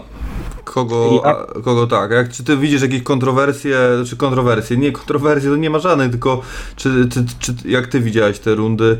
Czy też widziałeś 2-1 dla 2-1 dla y, Fadipe, czy 2-1 dla Kaszubowskiego? Nie, no ja was, y, ja was nie, niczym nie zaskoczę, ponieważ ja tej walki nie widziałem, y, gdyż robiłem wtedy wywiad, w którym y, padła y, bardzo w którym jest właśnie bardzo fajny fragment na temat no. tej walki, bo to wywiad, jak ktoś nie oglądał, wywiad z, z Bartosem i z Pawlakiem. Top. I na wywiadzie, nie pamiętam kto... Bartos. Kto Bartos mówi, że o, Krakowiak trafił, a Pawlak kogo? więc, e, więc to jest jedyne, co zapamiętałem z tej walki. Mm, więc nie, nie wiem, nie widziałem całej, nie chcę się wypowiadać, bo, bo nie mam pełnego obrazu, także jak na drobie będę mógł coś powiedzieć, ale, e, ale no Fadipe naprawdę jest e, ciekawym zawodnikiem i myślę, że, że no może wiadomo, pewnie do, do mistrzowskiego tytułu się nie, nie doczłapie, ale myślę, że namieszać gdzieś tam może. No ja tak rozkminiam, bo widzę ranking i nie widzę nikogo y, w rankingu, żadnego z panów, to akurat ok. Natomiast y, no ja bym to zrobił chyba tak. Yy, yy, z, tylko wtedy mogłoby dojść do rewanżu. No dobra, przyjmijmy, że w konfiguracji Krakowiak wygrywa, wal... wróć, Krakowiak, Pietrzak wygrywa walczy z Fadipę, Krakowiak przegrywa, walczy z Kaszubowskim. Ewentualnie można w to Kęsika wplątać i dać Kęsika Fadipę. No ale Kęsik, ale przecież Fadipę w 7-7 się bije. Jezus Maria, pomyliłem kategorię. No właśnie. A ja ciągle mi się, bo mi Krakowiak ciągle siedzi w 8-4 i ten Fadipę, bo też przecież walczył, aj dobra, cicho, wracamy, to idziemy dalej, to idziemy dalej w dół. E, już wymyślam na nowo, ale poczekaj, nie, bo dobrze zacząłem rozkminiać, tylko pomyliłem z tym, z Kęsikiem, a reszta jest okej, okay, dobra, poczekaj, poczekaj, stop, stop, stop, Pietrzak się zgadza, Krakowiak się zgadza. Tak. Dobra, y, to wróć, to wracamy do rankingu jeszcze raz. Fadipe jest ósmy, Krakowiak jest siódmy. Ok, czyli zrobimy odwrotnie. To Fadipe z Mekiem, bo jest Mek szósty, Fadipe ósmy. Yy, no Krakowiak walczy z Pietrzakiem, czyli piąty z siódmym. Yy, I dla Kaszubowskiego Brian Hoy. No. Hmm, tylko no nie wiem dlaczego w sumie Kaszubowski by miał po przegranej, po dwóch przegranych dostać teraz numer cztery w sumie. Mhm, no, e, no to yy, tak, no czyli, yy, a nie, no się, no okej, no czyli Krakowiak z Pietrzakiem i przegrany do Kaszubowskiego. Albo na przykład, nie wiem, yy, Może Kaszubowski Pietrzak już było, no i to nie była dobra walka. Stojmenow, albo Wiktor Zalewski. U, aż tak. No a dlaczego nie? Słuchaj, no jak... No może- ostatnio 1-3 po w czterech ostatnich walkach, no to trzeba solidny krok w tył zrobić jednak. No, macie, może macie rację, faktycznie. A Wiktor kurczę w gazie chce. Nie wiem, czy nie ma jakiejś też walki. Wiem Możliwe, też. że ma, chyba ma, tak. y, chyba ma, i, ale za to nie wiem z kim, tylko wiem, że nie wiem, czy Adrian Gralak nie zmienia kategorii na 7-7, czy nie będzie próbował. Y, No jeszcze jest Koziorzemski.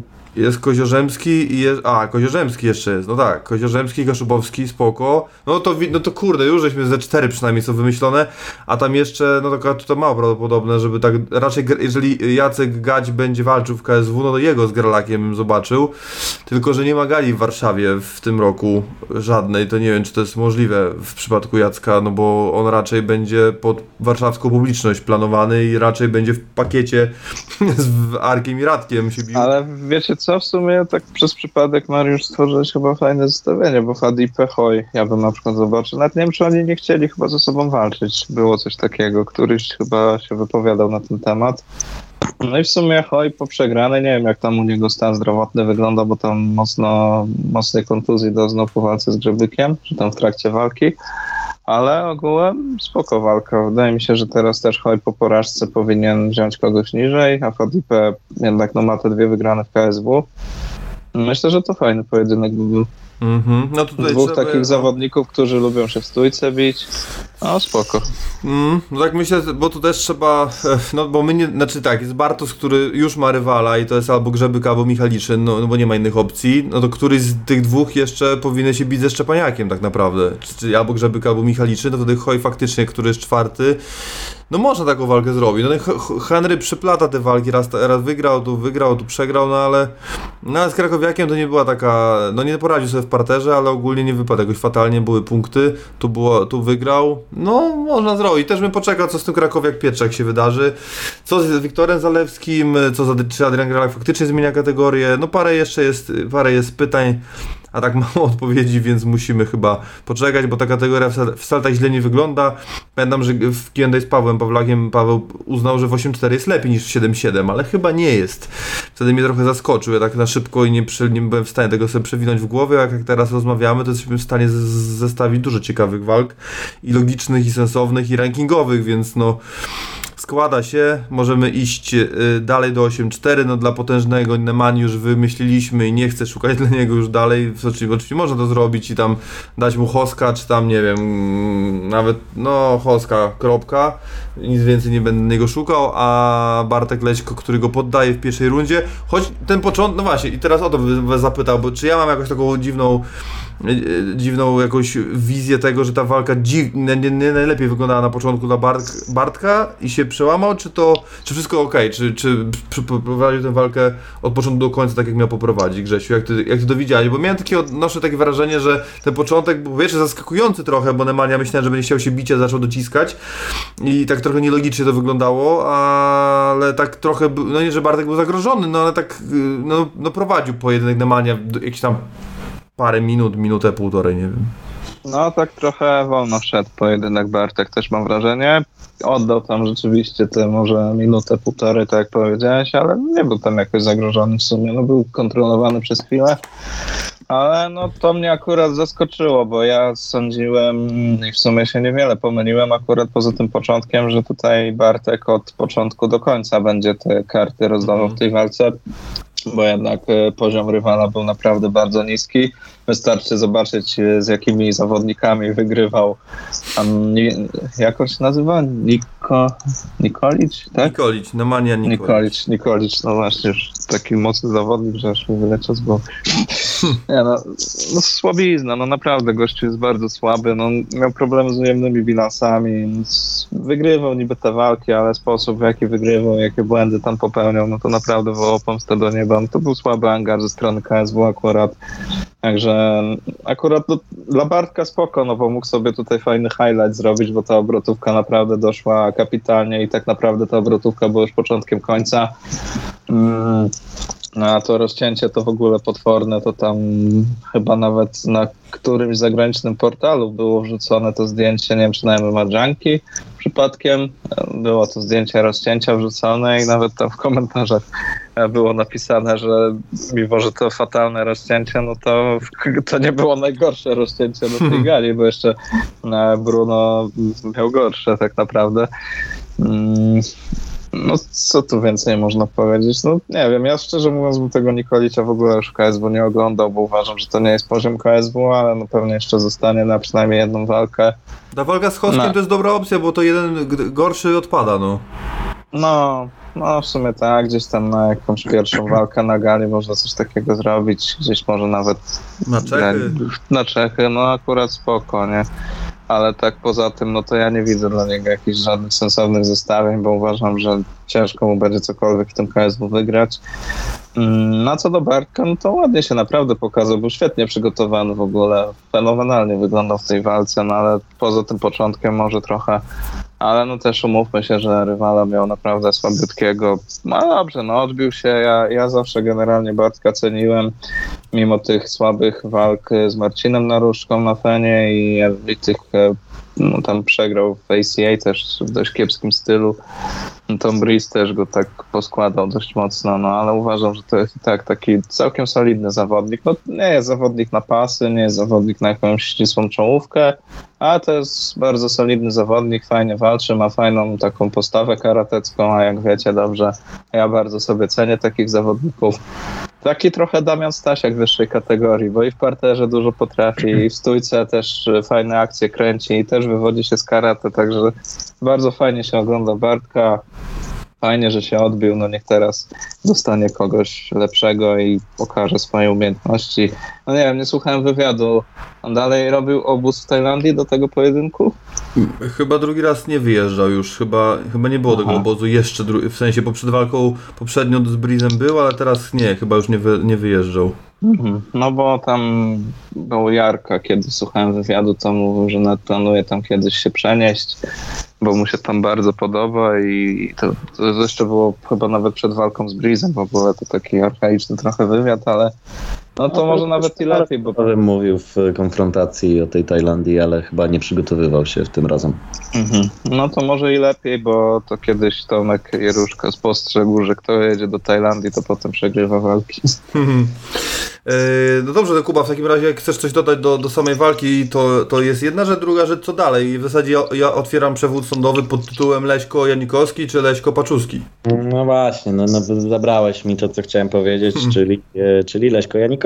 W sensie do, do walki, no nie wiem, no, nie wiem, co miałbym dodać, no, no wszystko, wszystko mądrego powiedzieliście. E, jakby, no nie spodziewałem się innego wyniku tej walki. E, trochę fajnie by było jednak y, Bartka na troszeczkę bardziej głęboką wodę rzucić, no ale, ale trudno. No różnica między e, Brizem a Nikoliczem jest dość znacząca. No. No, zdecydowanie, więc myślę, że powinien dostać kogoś może ciut niżej niż Tom, ale jednak y, troszeczkę też wyżej niż, y, niż Nikolić. A przepraszam, e... i kolejna analogia taka sama jak między Ruchałą a Hincenem. No tak. E, zgadzam się. E, więc co do przyszłości, ja bym bardzo zobaczył no, dwóch wygranych z tej gali. Żaden jakby nie musi wtedy czekać na drugiego, czyli, czyli właśnie Leśko Janikowski. Fajna walka. Jedyne co może być gdzieś tam przeszkodą, że no przecież Bartek przyjeżdżał trochę do skry i, i tak dalej, więc gdzieś tam się może trochę znają. E, dwa to jest, e, a nie, przepraszam, to nie jest ten sam team menedżerski, więc, e, więc ten problem odpada. E, no ale ja bym, ja bym zobaczył taką walkę zdecydowanie. E, myślę, Ty że zobaczył, ale Marian niekoniecznie. No Marian niekoniecznie, więc Marianowi się to nie podobało, ale, e, ale moim zdaniem ciekawsze na pewno, a Paczuski może, nie wiem, może z Kęsikiem albo e, no tak jakby wychodziło, no bo to, no tak, bo Romanowski powinien iść do Askama albo do Briza, no. Mm, no chyba, że rewanż, no, rewanż z Romanowskim też bym zobaczył akurat. Eee... Tylko tam rozstrzał rankingowy jest znaczny, no. No to prawda. No, Taki ale, 2-7. no, ale, wiesz, no, ale Scott po jednej walce, y, wracając po dwóch latach przegrany, w, wchodzi do rankingu, no więc y, niezbadane są wyroki rankingowe. No. To była druga sprawa, no. E, A Radek, nie wiem, kurczę, no tych opcji dla Radka trochę jest, wydaje mi się. W, czy nawet, no nie wiem, czy Humburger to dobry wybór, czy nie. Ja nie wiem, czy Humburgera nie zobaczymy, tak trochę wywnioskowaliśmy dzisiaj chyba po tym tweetie Artura, Gwoździa, czy to Michalski Humburger się nie wydarzy, bo tam, że... A, tak, tak, tak, tak, faktycznie może tak się wydarzyć. No tak, no to, to nie, no to Radek, nie wiem, z... Może Radka to został w spokoju, bo to on nie walczył na tej gali. Ja go tylko na leśni No tak, no zaproponowałem. nie, no bo tak, no tak zacząłeś. Yy, A Radek ten- ręka w gipsie cały czas, zdaje się. Tak? A, No bo tam była Kolumbia, Peru, czy co tam Machu Picchu, potem wrócił, złożył rękę i w, jest na wakacjach z powrotem. Okej, no, to, no to dobra, no to nie będę się tutaj Radkiem zajmował teraz, yy, bo, bo może faktycznie jeszcze nie ma to sensu. Ale- Wyjaśniał, wyjaśniał w klasztorze Shaolin tych mi, mi, mistrzów i złą rękę. Tak, więc, y, więc tak, więc y, Leśko Janikowski y, biorę w ciemno. A ewentualnie właśnie Czarek, Kejsik, Radek Paczuski, tylko to z kolei y, ja mam to co Marian tutaj, bo, bo, bo zarówno Czarka, jak i, jak i Radka bardzo lubię i, i nie lubię takich walk, gdzie lubię dwóch zawodników, no ale jak trzeba, to trzeba. No tak półnarodowego tak miałem. Y, Dobrze, to przechodzimy w takim razie do kolejnego y, starcia. No to, to walka, drugi mismatch za nami. W zasadzie chyba to, co z karty się potwierdziło na, gali, to drugi do trzeciego, do trzeciego przejdziemy, ale pytanie, czy nie przejdziemy do trzeciego już teraz. Stosić Wojcak i no teraz tak. No tak, w zasadzie się z Arbim zgadzam. Jakby Darko 3 czerwca y, odszedł od stołu po weselu i tam 4 miał zrobić walkę, to pewnie był w takiej samej formie jak był teraz. Naprawdę, forma fizyczna była po prostu zła. Jedno zdjęcie jest takie, że jakby zasłonić y, twarz Darko Sosiczowi, to takiego wczesnego Jurasa można zobaczyć, no. Jest niestety Darko Stosicz, a on, przypominam, że tam momentami był sześciopak. I on faktycznie w tej, no pewnie w 9-3, ale już chyba, jeszcze chyba w ciężkiej, na początku w KSW też jeszcze ten sześcio- sześciopak mogliśmy zobaczyć i wydaje mi się, że oczywiście, znaczy nie, nie wydaje mi się, tylko wiem, że te kilogramy mu nie służą, bo widziałem w sobotę. No i trzeba się wrócić, bo to, to że on jest w ciężkiej, to nie znaczy, że może żyć jak de Vries, no, bo to nie, jemu to nie będzie służyło i to, i, i paradoksalnie ta siła ciosu nie będzie dużo większa, w, albo w ogóle, a, a myślę, że taki Darko Stosic z walki z Michałem Kitą, czyli z Ostrowa Wielkopolskiego, czyli ze z września, myślę, żeby rozpykał tego Wojcaka dużo szybciej, no bo ten Wojcak okay, jest wielki, mutant i tak dalej, no ale jest dość wolny i jakby myślę, że ten Darko może obskoczył to duże słowo, ale to no nie powinien się męczyć z nim trzy rundy, czy tam ta walka nie powinna się skończyć w trzeciej rundzie, bardzo efektownie to zrobił, ale trwało to wszystko za długo, Kuba, co ty byś do tego dorzucił? I no nie chcę pytać o przyszłość, bo on jest numerem jeden w rankingu, więc tu pomysłów nie mam żadnych poza Szymonem Bajorem. No kurde, no waga ciężka to jest... e, Jeden cios. Nie, no, bardziej temat do przemilczenia w KSW, no bo y, co tu dużo mówić. Y, no nie, no faktycznie no Darko nie powinien się chyba męczyć tak długo. Natomiast no, w gruncie rzeczy wygrał, wygrał. No y, więc y, cel wykonany, czy, czy bierzemy pod uwagę jakie środki zostały zaprzęgnięte do tego? No możemy oczywiście, natomiast e, natomiast finalnie jest to wygrana i, i, i całkiem niezły knockout, e, więc e, kurczę, no, no tylko no co, no i... Nie, że jest Tosi czy Marcinek, co ja pierdolę, gadam za bzdury, przepraszam, przecież to miał walczyć teraz i wskoczył za niego No Wojcek, to, tak, to, to, no tak, no więc ta walka, no tylko nie wiem, czy Martinek może nie chce wcześniej jakoś, nie wiem, nie wiem jak tam sytuacja, bo Martinek, przypomnę, miał w lutym walczyć. No tak, znaczy Peszta jest po drodze gdzieś. No więc może prędzej ten Peszta.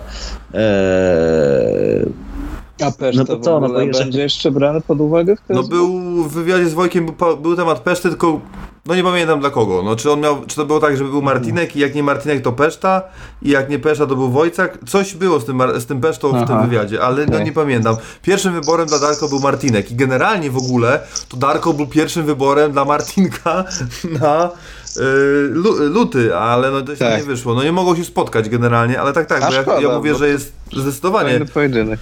no, ja, ja, ja, ja do tego Bajora się tak uczepiłem, a ta walka Stosic-Bajor nie ma sensu, bo nie ma sensu zwycięstwa tej walki z Filem, a tak trzeba byłoby zrobić, więc oczywiście, no Peszta, Bajor, a Martinek Stosic i jest Gituwa, bo tam jeszcze Prasel grasuje na drugim miejscu, nie wiem co on tam robi, chyba się zaplątał, ale jest. No, no nie no, Prasel to z Wojcakiem, no. No tak, nie, no to, to tak, to spoko całkiem, no. No, okej, no Ricardo wleciał jak kondor w tę kategorię, no ale tam więcej szczęścia niż umiejętności, więc no nie róbmy żartów. On tak. On ma odwrotnie, od, od, od Bruno dos Santos ma e, takie umiejętności jak rekord Ricardo Prasa. I odwrotnie. No to prawda, nie no w tym, w Prasel jeszcze zawsze można by go na przykład z jakimś Todem Duffy albo kimś zostawić. Ja by to wygrał, on go poddał jeszcze. To jest, to jest taka dziwna akcja, że generalnie to, no nie no, szkoda, Prasel to jest ciekawa historia. No ale to zostawmy go w spokoju, bo on tam się może bić jak Damian zestawowym nawet, ale zestawowy ma walkę chyba, nie wiem czy na, na sierpień za, zapowiedzianą już, czy w sensie gdzieś tam się klei. No dobra, no powiedzmy, y, to zostawmy na chwilę, kto, co dalej, tylko jak w ogóle walka oceniasz, Kuba, bo to może od tego zacznijmy, bo jednak trzy rudy trwała. Ale mówisz, że Wojtek, Mar- Wojtek tak, Tosić, tak, tak? tak, tak, tak. No to, to, to już powiedziałem, no faktycznie nie powinien się tak długo może z nim męczyć. Nie wyglądał jakoś fenomenalnie Darko, ale, ale no mówię, koniec końców wy- wygrał, więc yy, cel osiągnięty. No, No W- tak. Może nie wyglądał najlepiej, ale, ale wygrał, no i co, no i jest tym numerem jeden i jest jakby, no, no trzeba pewnie mu jeszcze dać walkę, zanim dostanie fila, no ale pewnie stawiam, że znowu dostanie fila, no i stawiam, że znowu się to skończy tak samo potem, więc... e, No, walka Stosic-Martinek, to tak bym nie upierał się na tego Darko. No może nie, może nie. No faktycznie tutaj, e, tutaj Martinek e, może wygrać, no ale, no ale co z drugiej, no co, Martinek zagrozi Filowi? No nie, no. No ale jeszcze z nim nie walczył, to jest, wiesz, no czy, niech Phil czyści, Phil the Beer to jest jego robota, no taką, taką robotę ma, niech czyści, no a to co, niech oni się, sta- niech inni zawodnicy się starają go strącić z tronu. Yy, Grzesiu, no Wojcak, wzmocnienie, nie wzmocnienie, przyda się, nie przyda się, no sąsiaduje z Arturem Szpilką, biorąc pod, pod uwagę, dość, no myślę, że Wojcaka robi Pudzian generalnie, no to jak idąc tym tropem, Szpilka też. Mm, czy Pudzian by go zrobił? Znaczy teraz Generalnie... to już, no okej, dobra, poczekaj, stop, wróć. E, rok temu, tak? Teraz to już jest zagadka, no masz rację. No nie no, wiesz co, no on ogólnie jest całkiem sp- sprawnym parterowcem. On tutaj w tej walce nie pokazał tak naprawdę większości swoich umiejętności. Walczył w stójce, czyli można powiedzieć, że w płaszczyźnie swojego rywala i nie wyglądał tam wcale aż tak źle. No. Tej pierwszej rundzie no, obaj tak trochę w sumie mało aktywności i u Darko mnie boli jedna rzecz, bo on naprawdę jest mocnym zawodnikiem. Mm, Tylko po pierwsze kategoria wagowa to w sumie dwie rzeczy, tak mi u niego przeszkadzają trochę. Ta kategoria wagowa, na którą jest zdecydowanie za małe i uważam, że na wyższym poziomie niż ta kategoria ciężka w KSW, no to by sobie nie poradził z takimi warunkami fizycznymi. A druga rzecz to jest brak aktywności. On w UFC przegrywał walki nie przez to, że był dominowany, deklasowany, czy w ogóle cokolwiek, wcale tak nie było. On po prostu no, był bardzo mało aktywny w tych walkach. Niska aktywność, nie wyprowadzał ciosów, czekał czasami naprawdę bardzo długo, żeby wyprowadzić jakąś celną akcję ofensywną, czy w ogóle jakąkolwiek akcję. Pamiętam jego walkę z Jamalem Hillem, czyli z ostatnim mistrzem, który zwakował pas. No to tam praktycznie no, on wygrał jedną rundę z nim i myślę, że on spokojnie by ten pojedynek mógł wygrać, tylko że dopiero w trzeciej rundzie ogarnął, że Hill nie ma zapasów defensywnych, no i jest w stanie go bardzo łatwo sprowadzać do parteru, a gdyby to zaczął robić może od pierwszej rundy, to spokojnie by tę walkę wygrał i być może dzisiaj dalej byłby w UFC. Ja uważam, że to jest naprawdę bardzo dobry zawodnik. Może nie jest na poziomie Fila i nie jest na poziomie top 15 UFC, ale utrzymać by się tam spokojnie mógł tylko po prostu no, musi coś przewartościować w głowie i jednak zadbać o tę aktywność, bo on głównie bazuje na kontrach i w KSW mu to fajnie wychodziło, no bo był w stanie ustrzelić tych zawodników, był w stanie te nokauty znaleźć, w UFC mu się to nie udawało.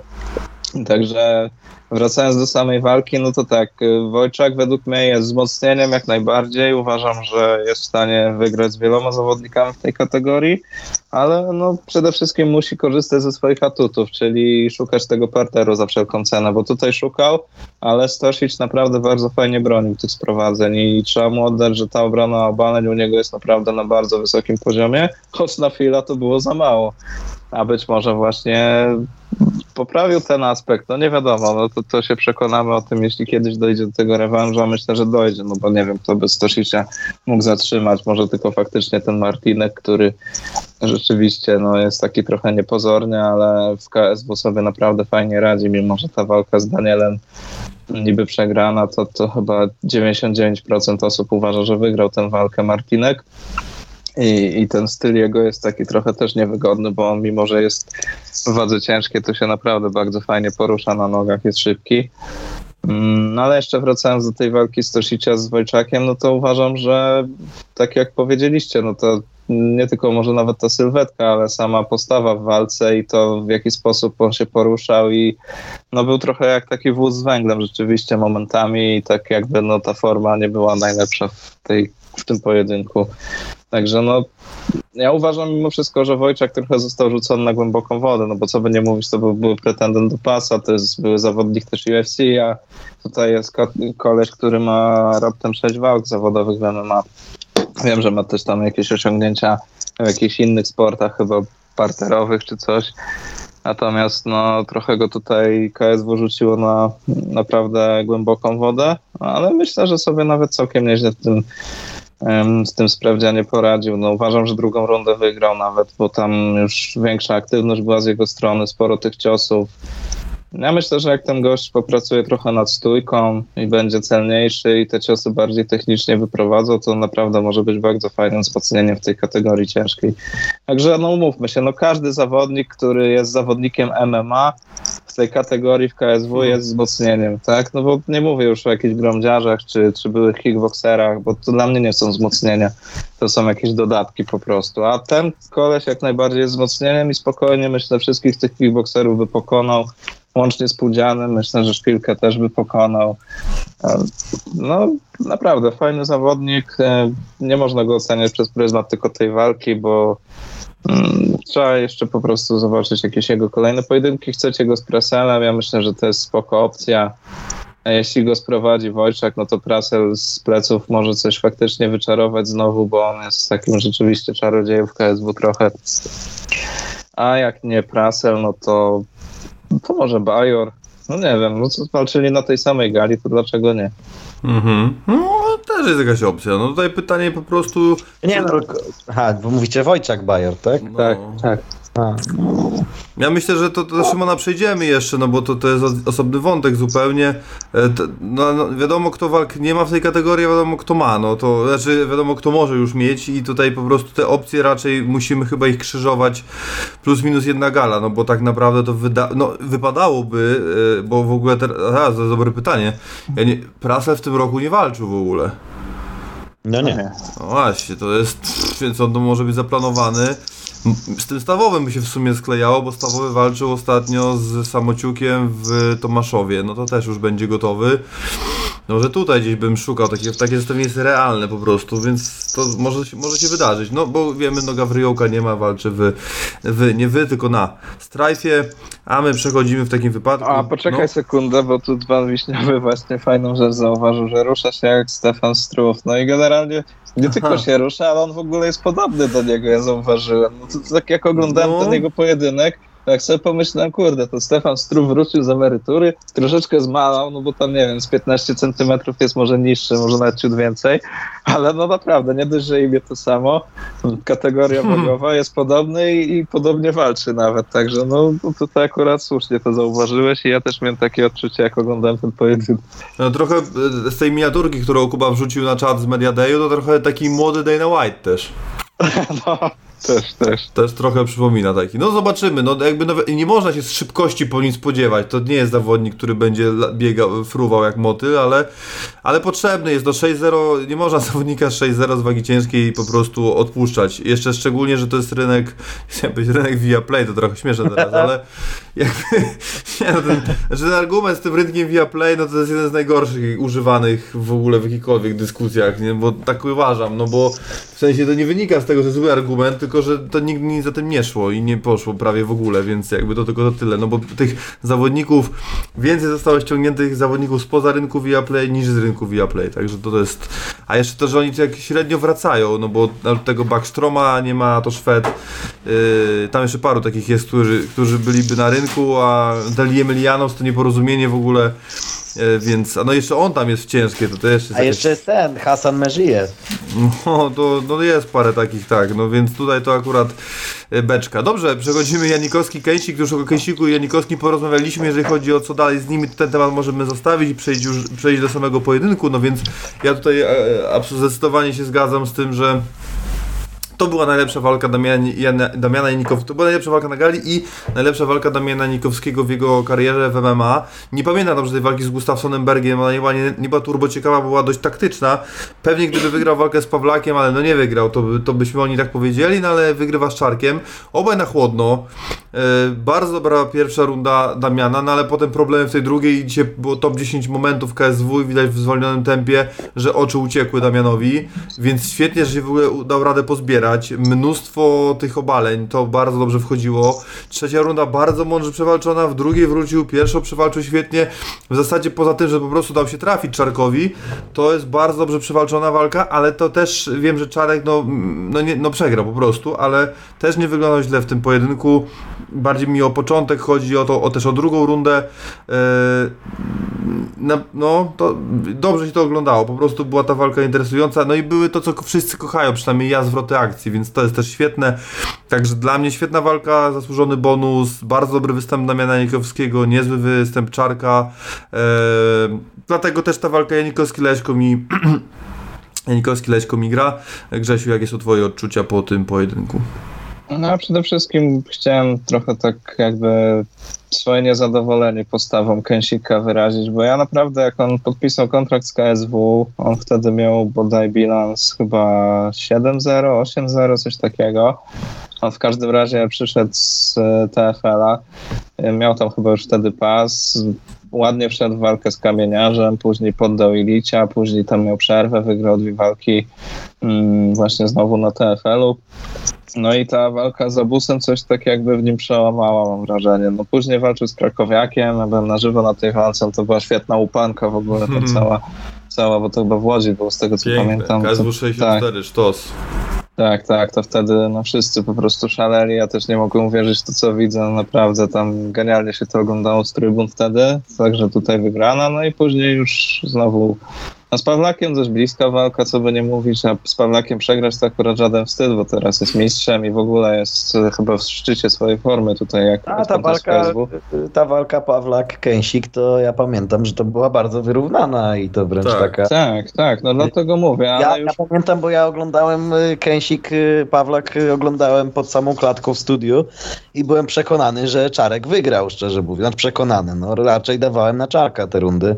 Wiem, że nie mhm. tylko ja, no a zresztą tam był split, także y, to była mocna bitka. Nie, nie, tak, to, to była dobra walka w jego wykonaniu, no ale już później z Romanowskim ta walka, no to fatalna. No tutaj to naprawdę mnóstwo błędów taktycznych, no dał się złapać, jak to powiedział chyba sam Tomek, że czołg wjechał na minę. A walka z Damianem, no, nie, no generalnie tak, to przede wszystkim może bardziej Damiana tutaj trzeba pochwalić niż zganić Czarka, bo, bo Damian naprawdę mądrze zawalczył w tym pojedynku. To tak jak ty powiedziałeś, czy to było jego najlepsze, ja uważam, że mimo wszystko z Radcliffe'em, chociaż chyba poziom jednak niższy, to tam uważam, że to była taka najlepsza jego walka, bo tam się w ogóle nie podpalał, wszystko robił taktycznie, jeszcze był w stanie skończyć ten pojedynek. Także uważam, że chyba tamta walka była najlepsza w jego karierze, jeśli chodzi o takie podejście w samym pojedynku. A tutaj mm, przede wszystkim pokazał, że na zmęczeniu i na charakterze jest w stanie dalej fajnie strategię realizować. Także tutaj duży szacun dla Damiana, bo on miewał z tym duże problemy. Nie wiem, czy to było w drugiej rundzie. Chyba pod koniec drugiej rundy te, te, te wyniesienia były moim zdaniem niepotrzebne i tak trochę sobie energię wydrenował tym, żeby zaznaczyć te rundy, żeby to tak samo. Ja nie rozumiem na przykład często zawodnicy, chyba nawet na UFC tamtym tygodniu była taka walka, gdzie ktoś został sprowadzony 10 sekund przed końcem rundy. Słyszał, że jest już ten dźwięk dobiegający, który oznajmia, że za 10 sekund się skończy runda.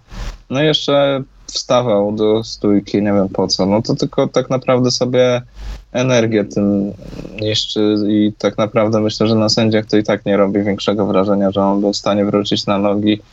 No zawodnicy czasami, no ja domyślam się, że w walce są emocje i czasami ciężko jest racjonalnie myśleć i gdy ten zawodnik ogląda swoją walkę, no to pomyśli, a no tak, niepotrzebnie to robiłem, głupio zrobiłem i tak dalej. Ale no takie czasami dziwne decyzje są i tutaj w tej walce też Damian akurat niepotrzebnie myślę trochę z, tymi wyniesieniami kombinował.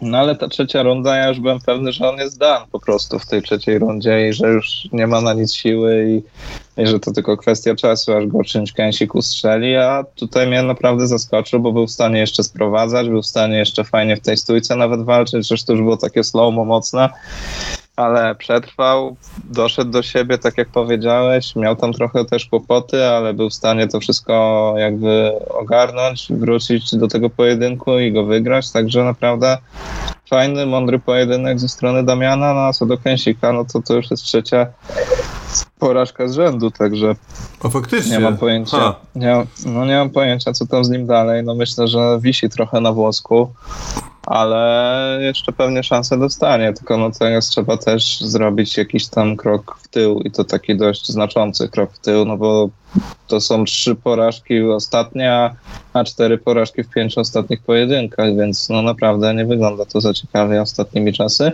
Co do Damiana, no to tak generalnie wymarzony dla niego pojedynek, no może tylko skończenia zabrakło, żeby była taka kropka nad i, ale pokazał się dobrze, wygrał walkę, także pod negocjacje co do nowego kontraktu, no to idealnie. No myślę, że KSW na 100% z nim przedłoży umowę i, i być może nawet dostanie tę podwyżkę, o którą tam się ubiega. Hmm.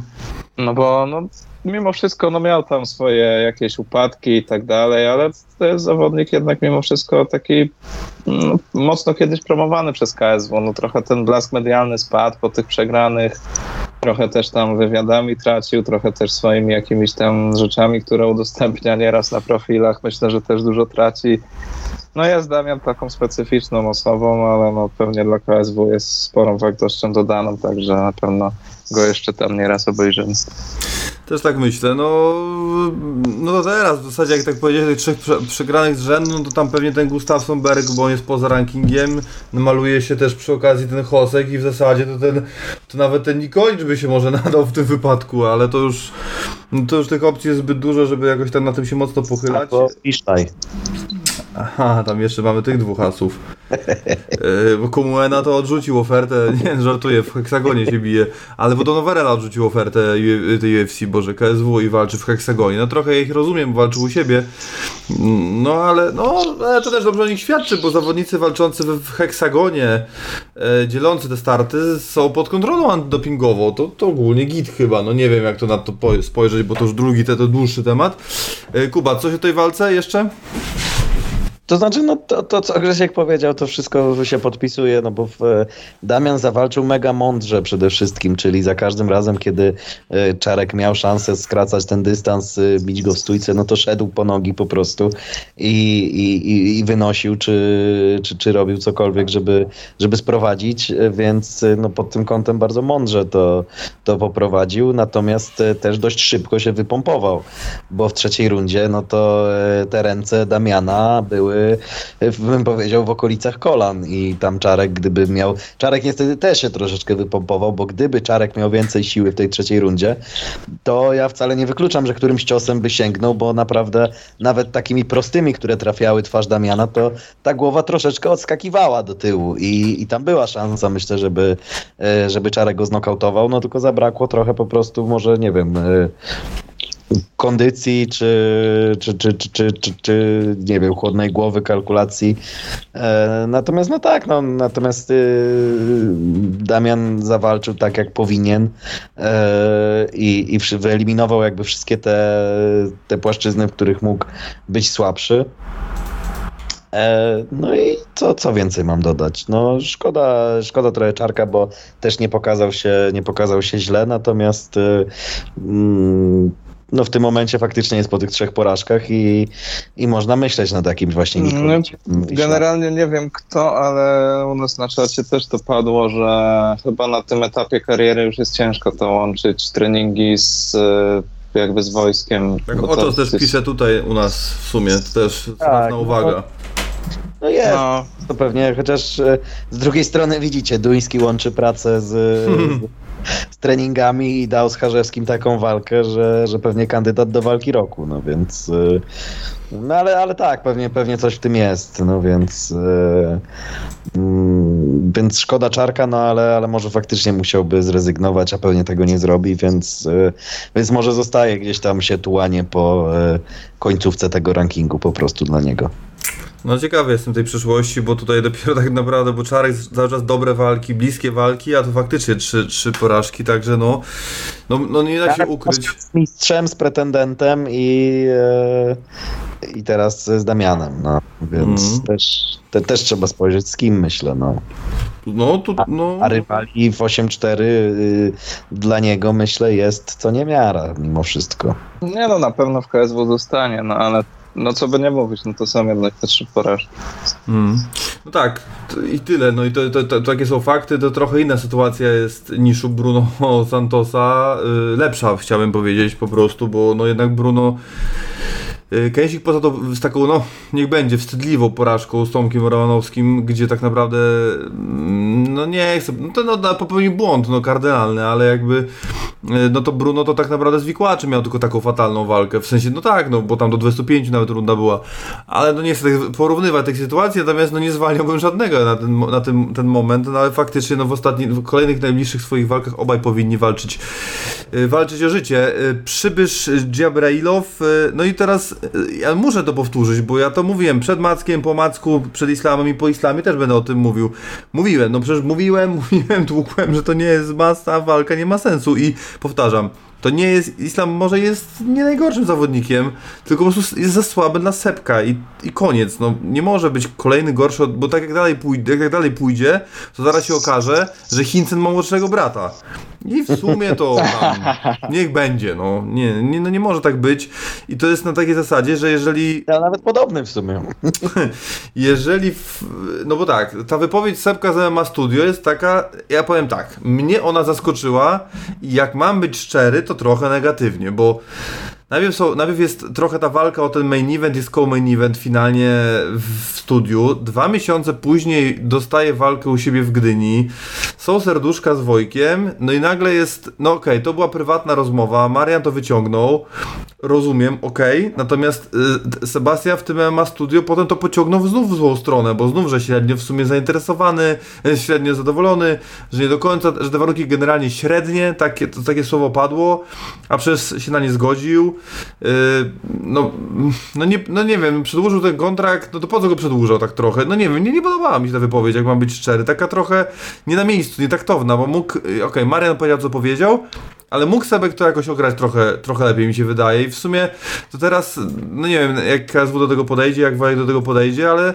no mogło mu się to też nie spodobać jeszcze bardziej niż, niż mi jako widzowi z boku, a no bardzo lubię Sebastiana, natomiast no ta odpowiedź, wypowiedź taka zaskakująca, natomiast ja ogólnie rozumiem to co on powiedział i nie chodzi o to, czy tam było przekleństwo, czy nie, Grub, albo gruba oferta, albo uciekamy. Okej, jakby ca- rozumiem to, natomiast to też rozumiem, że już nie chce mu się w tym kotle mm, cały czas walczyć i robić tak jak Figueiredo z Moreno, bo formuła się już nie może tu jeszcze się może nie wyczerpała, ale się wyczerpie i, i ile można. Natomiast no jeszcze jest powiedzmy żużuła i kropka i to jest tyle. To tak a propos tego tej wypowiedzi i, bo do walce no dużo osób mówi, że dużo, dużo, no dużo, słyszałem kilka wypowiedzi, że w sumie to się postawił, w sumie nie tak źle wypadł i tak dalej. No nie no, przegra, poddał się w trzeciej rundzie, odpłynął, w żadnej płaszczyźnie nie zagroził, w żadnej płaszczyźnie nie był lepszy, to tyle tylko, że wytrzymał do trzeciej rundy. No to, to, no to nie wiem, czy, czego tu się cieszyć. No, może jest lepszy niż się wszyscy spodziewali, biorąc pod uwagę to, że miał tam, nie wiem, 3 tygodnie czy miesiąc, no to wypadł nie najgorzej. No to dlatego mówię, no dajmy go tam Gustawo i, i zobaczymy, co się wydarzy. Ale to jakby y, jego największy atut jest taki, że jest bardzo młody. No i to jest atut taki, no bo może się okazać, że za po prostu ewoluuje i, i, i tak jak Gustawo, który też jest młody, no dziś ci panowie będą za 2-3 lata coś znaczyć w KSW.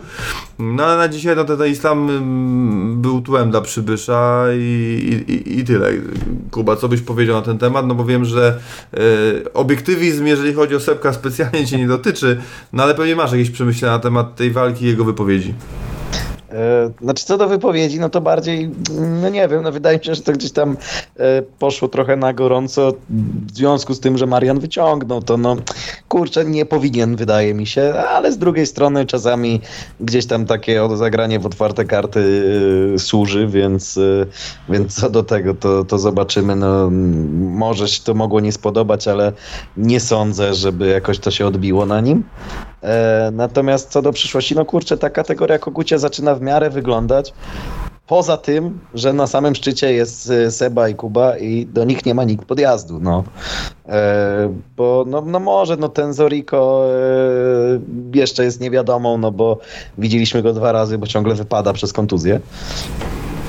Natomiast y, no, no, no tak, no to będzie za chwilę Moreno Figueiredo, bo e, no, no okej, okay, no może KSW ściągnąć kogoś nowego dla Wikłacza, no ale jeżeli Seba da radę się przygotować na wrzesień, no to ja uważam to za lepszą opcję niż e, ściągać jakiegoś nowego Martinsa czy, czy innego przybysza z kraju kawy, e, który, który będzie tłem dla wikłacza. No, Przybysz z Gdyni jest lepszy niż przybysz z kraju kawy. Dokładnie to tak, też o tym pomyślałem. E, więc, więc zobaczyłbym mimo wszystko ten, ten pojedynek po raz czwarty. E, no ale tak, no tak jak też mówisz, nie jestem za bardzo obiektywny.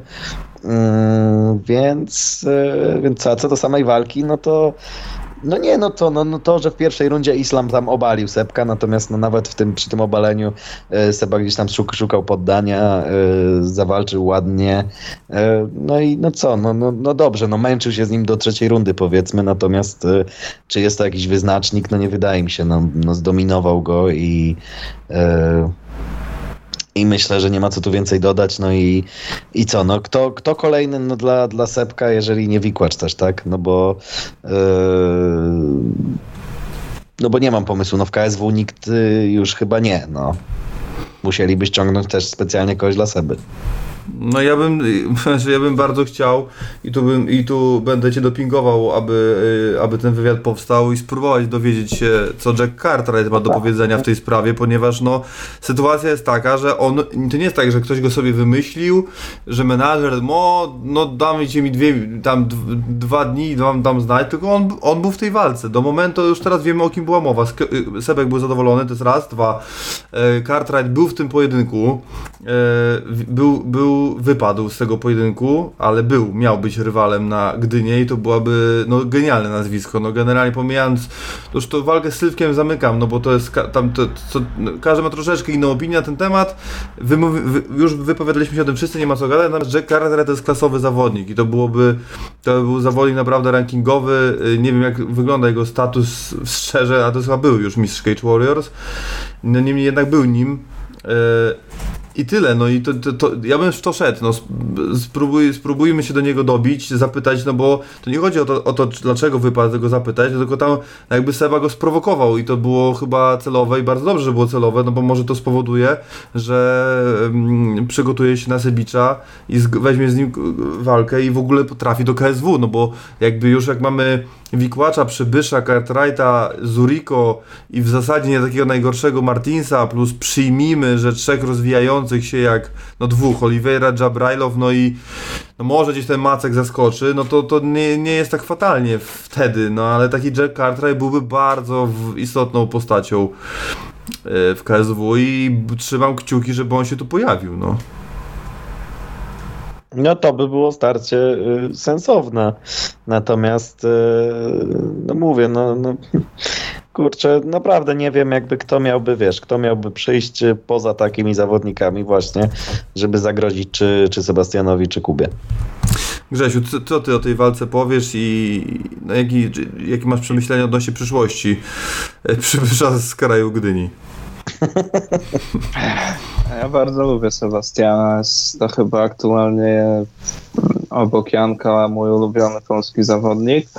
No i naprawdę, no, jego progres, tak naprawdę obserwuję go, nie pamiętam ile on miał, 4-2 jak przyszedł do KSW, 4-1 chyba, bo on tam miał tylko jedną porażkę, czy 3-1 w ogóle, jak z Gralką walczył, nie wiem, no ale no mniej więcej od takiego rekordu go obserwuję i ten progres z walki na walkę praktycznie jest widoczny. No, tutaj nie było to, nie był to długi okres oczekiwania, więc pewnie aż tak bardzo się nie rozwinął przez ten czas od walki z Mackiem do, do tego pojedynku ale no jest naprawdę świetnym zawodnikiem i uważam, że zarówno właśnie Sebastian, jak i Kuba Wikłar są, tak jak powiedział zresztą też nasz Kuba, no, no nie są tak naprawdę dla nikogo do doścignięcia w tym momencie. No będą się pewnie kotłować między sobą i tak na 10 walk uważam, że wygra 5 Wikłacz i 5 Przybysz. Myślę, że oni są naprawdę na bardzo, bardzo podobnym poziomie i szczerze mówiąc, no ja trochę popieram też słowa Sebastiana, bo on powiedział po tej walce, po tej trylogii, że no oni już są chyba trochę sobą zmęczeni, że może powinni razem trenować, a nie ciągle ze sobą walczyć.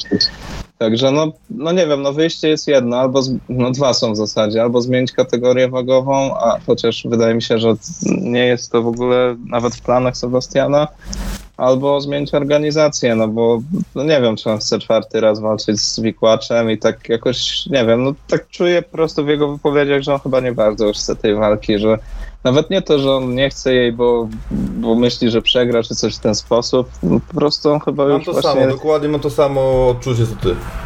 No, Nie, no tak Przecież jak nie miał rywala na Gdynie, no to y, wyzwał Kubę Wikłacza do No walki. niby wyzwał, ale był świadomy, czemu nie? że raczej do tego nie dojdzie, nie? No bo, no bo Kuba niedawno ścinał wagę, był gotowy do walki, więc on by nie był gotowy po prostu na ten termin, więc po prostu mam wrażenie, że to było bardziej takie, żeby zrobić szum medialny, a nie żeby rzeczywiście go wyzwać do tej walki i chcieć, żeby on faktycznie tę walkę podjął. No może błędnie to interpretuję, ale tak mi się wydaje po prostu i, i myślę szczerze mówiąc, że nie ma sensu, bo to naprawdę, no to tak jakby mamy dwóch naprawdę świetnych zawodników, którzy obaj są naprawdę niesamowicie mocni, obaj mają papiery na to, żeby gdzieś za granicą zrobić świetną, bardzo dobrą karierę, więc może nie ma sensu już ich konfrontować ze sobą po raz kolejny i któremuś znowu tę karierę stopować. Może faktycznie lepiej jest zmienić organizację i, i spróbować swoich sił za oceanem, jak to Seba powiedział, bo uważam, że naprawdę on ma papiery na to, żeby bardzo wysoko zajść, tym bardziej, że on się cały czas rozwija, jest głodny tego rozwoju, chce wyjeżdżać gdzieś na obozy, chce po prostu coraz lepszym być i, i zbierać to doświadczenie. No a w tym KSW tak naprawdę, no nawet jak pokona Wikłacza teraz, no to, to znowu będzie 2-2. Wikłacz wygra jedną walkę i co, i znowu będzie piąta walka, to tak trochę do niczego nie prowadzi, mam wrażenie. No, zrobił tu już bardzo dużo, no, wygrał tutaj naprawdę ogrom tych walk. Nawet gdzieś na Twitterze jakiś zagraniczny dziennikarz napisał, że Sebastian wygrał dziewiątą walkę dla KSW i udowodnił tym samym, że jest najlepszym kogucim w Europie. Także no uważam, że warto spróbować. Chyba warto się odważyć i, i zobaczyć po prostu, jak to będzie gdzie indziej, bo no tak jakoś, nie wiem, nie widzę tutaj jakiejś przyszłości. To jest takie wszystko krótkowzroczne, bo cały czas będą te same e, twarze się między sobą kotłowały. No jeśli by tego Cartwrighta faktycznie ściągnęli, no to jeszcze taki pojedynek bym z chęcią zobaczył Sebastiana. On No to już byłby taki- od, od y, kontendera się odbił.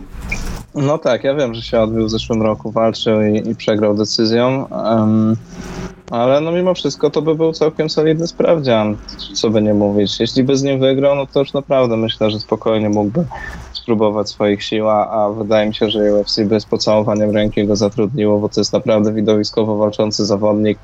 I co ciekawe też trochę jak Joel Romero lubi kończyć walki w trzecich rundach. Mm, Także no w tej walce, no, nie mówię dużo o walce, bo to tak bardziej naokoło, ale no, jeśli chodzi o sam pojedynek, no to zaskoczyło mnie tylko w sumie trochę to, że był w stanie sprowadzić e, Islam Sebę, chociaż wydaje mi się, że Seba po prostu chciał e, pociągnąć gilotynę już w tej pierwszej rundzie, tylko mu to nie wyszło i trochę oddał to sprowadzenie tak jakby mm, no, tu był akurat może mały błąd, ale to wynikało z tego, że on po prostu miał jakiś plan, który mu nie wyszedł na kontrę tego i później już było coraz lepiej, wszedł w ten pojedynek świetnie, no w stójce wymiatał, później jeszcze to duszenie, naprawdę no jest bardzo przekrojowym zawodnikiem i uważam, że jest jednym z najbardziej przekrojowych zawodników w polskim MMA, bo on się do, naprawdę w każdej płaszczyźnie odnajduje. Jest doskonale przygotowany fizycznie, ma świetną stójkę, mocno bije, fajnie miesza płaszczyzny ciosów, ma dobre zapasy, świetną kontrolę w parterze, potrafi poddawać i to naprawdę na, nawet bardzo ekwilibrystycznymi technikami, także jest naprawdę bardzo klasowy zawodnik i ja osobiście jako fan bardzo bym chciał go zobaczyć gdzieś w jakiejś innej mocnej organizacji. No nie to, że, że chcę osłabić KSW czy coś, tylko po prostu, no ja już nie mam chyba ochoty oglądać czwartej walki z Wikłaczem i potem piątej, szóstej, hmm. piętnastej i trzydziestej trzeciej, nie? No po prostu to już się trochę jakby przejadło. Tak samo Moreno Figueredo 4 już też moim zdaniem było niepotrzebne. Nieprawda. Było... To też zobacz. znaczy, ja, ja, ja tu akurat się z Grześkiem zgodzę, że ta czwarta walka już to już był, to już wystarczy. No ta czwarta, czwarta walka pokazała, że wystarczy. Fakt, że się trochę karty układają w ten sposób, że yy, za, a poczekajcie, bo teraz mi wylecie, to będzie, to byłaby trzecia czy czwarta walka z Pantorzą yy, Moreno? No, jedna była w Tafie, więc ona jest jako taka pokazowa, więc w sumie, no powiedzmy, no generalnie były trzy, ale dwie takie oficjalne jakby, więc to by była teraz trylogia oficjalnie, ale no tak naprawdę hmm. czwarta, powiedzmy, no. no. Dla mnie no ta no. walka w Tafie też się liczy jakby, no bo to też no była liczy, walka. No, bili się, tak? Nie no. była amatorska, no. Była na zasadzie, no to, no to tak, i to wszystko, i wszystko Moreno przegrał, wszystkie trzy. Tak, 0-3, no. Tu się, tu się pisze kolejna historia, więc można tego. Zresztą Figueiredo coś nie, nie mówił, że idzie wyżej?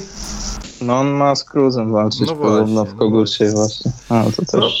Słaby pojedynek. No tutaj no inaczej, no po prostu Figueiredo nie ma warunków na 6-1 po prostu, ale może, może, może zobaczymy co z tego będzie. E, wracając do KSW i do tej walki, no to tak, no ja też już nie mam ochoty chyba obejrzeć czwarty raz tego pojedynku, a jeżeli miałby się on wydarzyć, no to co potem? I, I, chodzi o to, że w międzyczasie muszą się pojawiać nowe nazwiska, także ten, jakby ten Jack Carteret jest bardzo istotną postacią, no bo ja nie wiem czemu w ogóle on od sierpnia się nic nie dzieje z jego karierą, bo to dziwne, żeby nie dostawał ofert, e, także to byłaby fajna opcja, no bo bez niego to naprawdę, no jeżeli jakby zostaje tylko ten Zuriko i to jest jedyny punkt zaczepienia, także naprawdę coś, coś tu, znaczy inaczej, dla dobra obu jakby wydaje mi się, że dobrze byłoby ich rozdzielić po prostu i tyle. No, ja, mi się ta chyba opcja najbardziej podoba.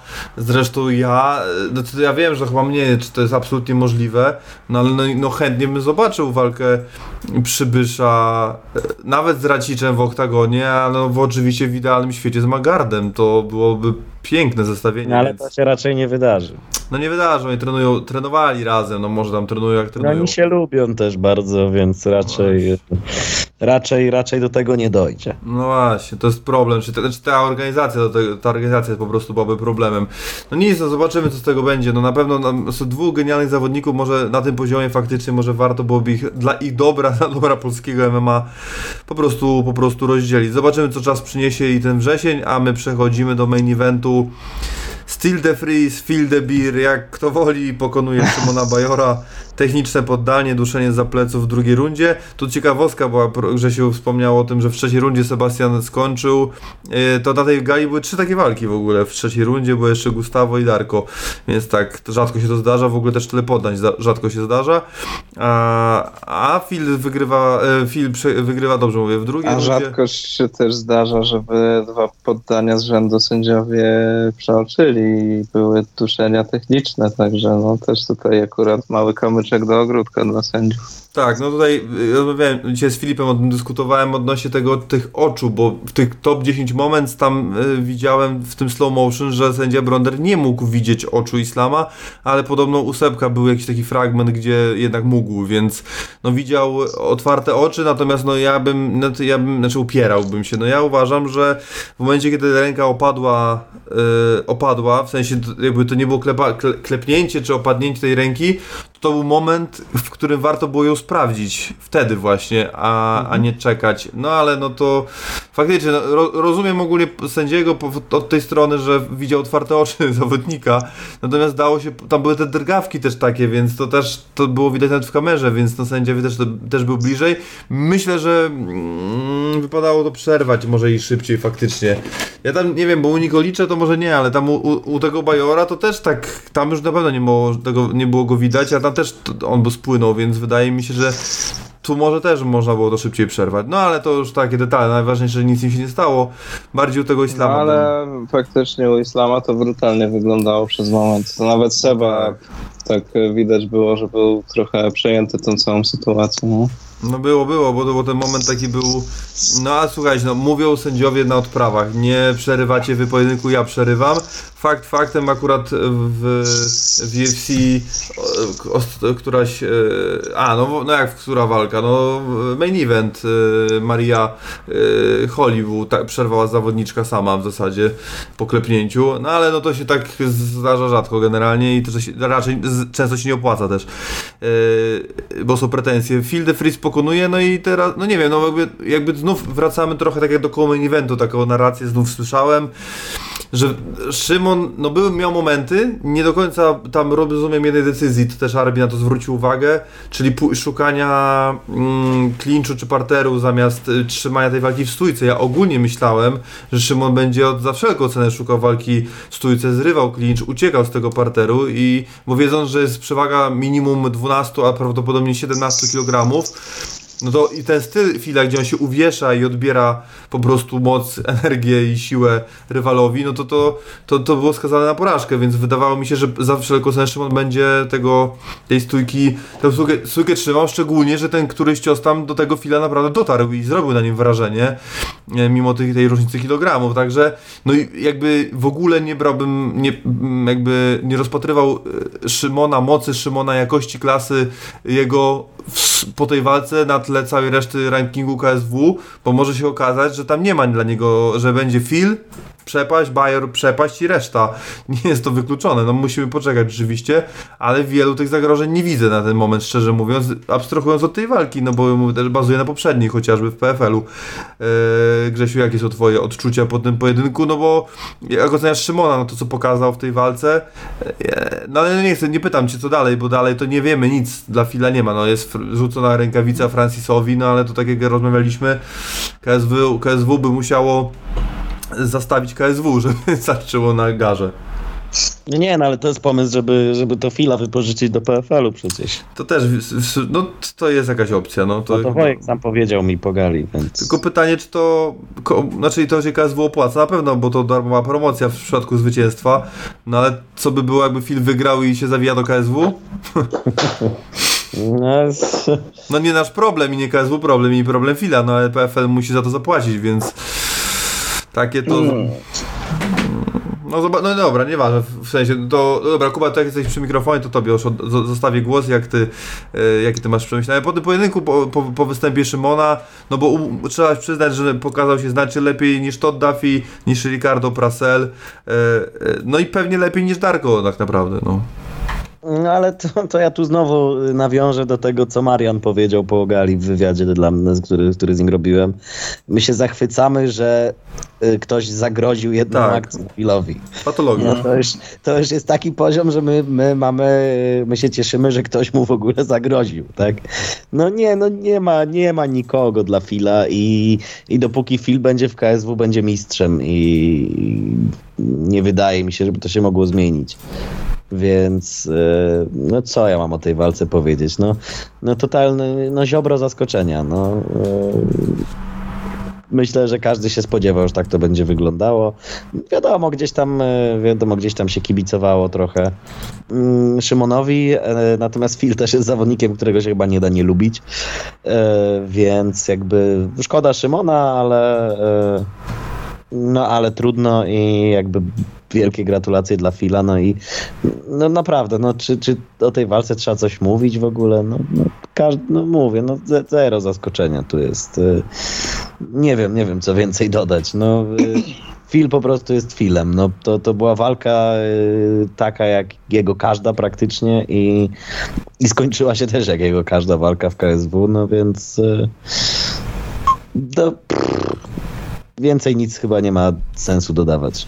Dobrze, no to daję głos Grzesiowi. Grzesiu, jakie ty masz przemyślenia? Yy, no, co do Fila to pewnie podobne do nas i do mnie do Kuby, ale yy, czy też masz taki, takie podejście jak, jak Kuba też powiedział i też o tym Maria, że ma, jesteśmy w patologicznej sytuacji, czyli jaramy się, że ktoś wytrzymał ileś z filmem, czy, czy doszukujesz się jednak i widzisz, i masz tak, widzisz jednak rzeczy, które, może nie aspekty, które mają za, spowodować, że za dwa lata to Bajor będzie tak, tak górą w walce z filmem na tych samych zasadach, no ale no ale trochę jest tak, że rozmawiamy o tym, kto mu się bardziej postawił z tych przegranych, z, tych, z tego Suicide Składu, no ale na coś powiedzieć trzeba, także oddaję Ci głos. No to było, to tak myślę, że to jest normalne akurat, jak jest jakiś dominator i ktoś tam mu urwie rundę albo da bliską walkę, no to wtedy o tym się dużo mówi. No to tak samo było z Habibem. Do dzisiaj widzę mnóstwo jeszcze tweetów czy gdzieś wpisów na grupach, Pamiętam. że Conor wygrał z nim rundę, że Gaethje wygrał dwóch sędziów. Michael trzech. Johnson, pamiętasz Michaela Johnsona z Nowego Jorku? Tak, pamiętam oczywiście, że go podłączył, że tak. to, no to także no myślę, że to jest normalne akurat i że, że to tak jakoś to działa po prostu, że jeśli ktoś dominuje i każdego pokonuje, no to, to to właśnie ludzie starają się po prostu znaleźć już taki nawet najmniejszy szczegół z tych walk, który nie poszedł jakiemuś zawodnikowi, temu dominatorowi i, wtedy po prostu to wytykają i chwalą tę osobę, która była w stanie w jakikolwiek sposób zagrozić nawet na ten ułamek sekundy temu mistrzowi. No co do samej walki, no to akurat Szymon myślę, że całkiem dobrze wszedł ten pojedynek. Myślę, że dobrze zaczął. Faktycznie też mnie zdziwiło to, że paru do klinczu. Myślę, że trochę nieroztropnie powinien utrzymywać tę stójkę, powinien wyprowadzać jeszcze więcej tych ciosów prostych. Rzeczywiście było widać, że trochę Phil odczuł te ciosy, a że to jest szczery chłopak i on nikogo nie udaje, niczego nie ukrywa, no to sam przyznał, że za dużo tych ciosów przyjął. No i jest świadomy tego, że to nie był jakiś najlepszy występ. Tak samo ja bardzo lubię, jak on często mówi, że ta walka z e, tym Luisem Onhiki, że, że to była gówniana walka, on sam tak mówi i, i szacun za to dla niego naprawdę, bo dużo no, osób... Była. Po... Była. No, ja ją wymaznałem z pamięci, zapomniałem, że oni się bili w ogóle. Wyczyściłem to, naprawdę.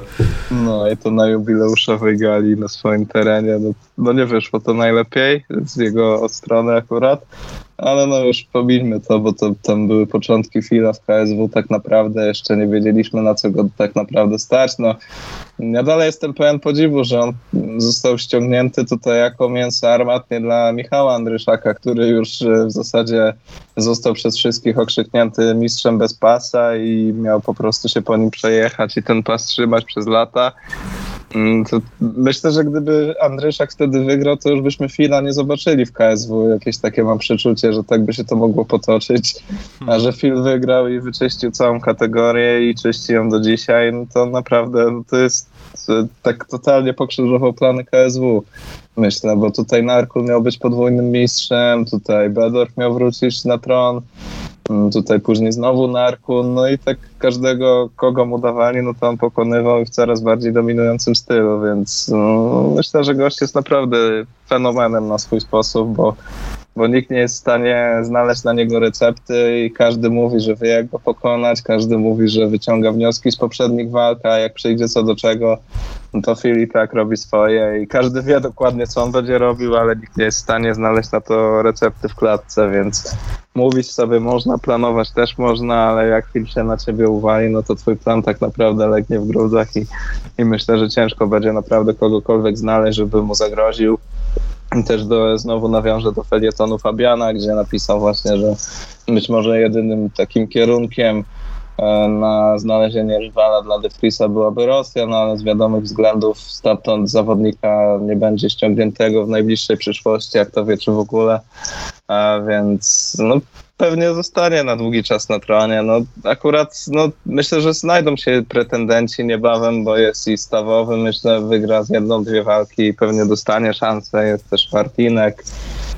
No, myślę, że Darko też za jakiś czas może znowu dostać e, szansę mistrzowską, chociaż nie wiem, czy ktokolwiek będzie chciał oglądać to po tym pierwszym pojedynku, gdzie on w ogóle nie istniał i tam, nie wiem, wszystkie chyba cztery rundy były do, do 8 punktowane i, i w piątej skapitulował, więc no, nie wiem, no, to jest naprawdę trudny tutaj no, twardy orzech do zgryzienia dla KSW i szczerze im nie zazdroszczę, no bo no, trzeba kogoś mu dać, ale no nie wiadomo kogo. No, nie wiem, czy jest sens ściągać akurat leciwego już Fabricio Verduma. Ja wiem, że Phil chciałby pewnie jakieś takie medialne nazwisko dostać i no i też myślę akurat łatwe, no bo Verdum już chyba w tym momencie nie jest w najlepszej formie.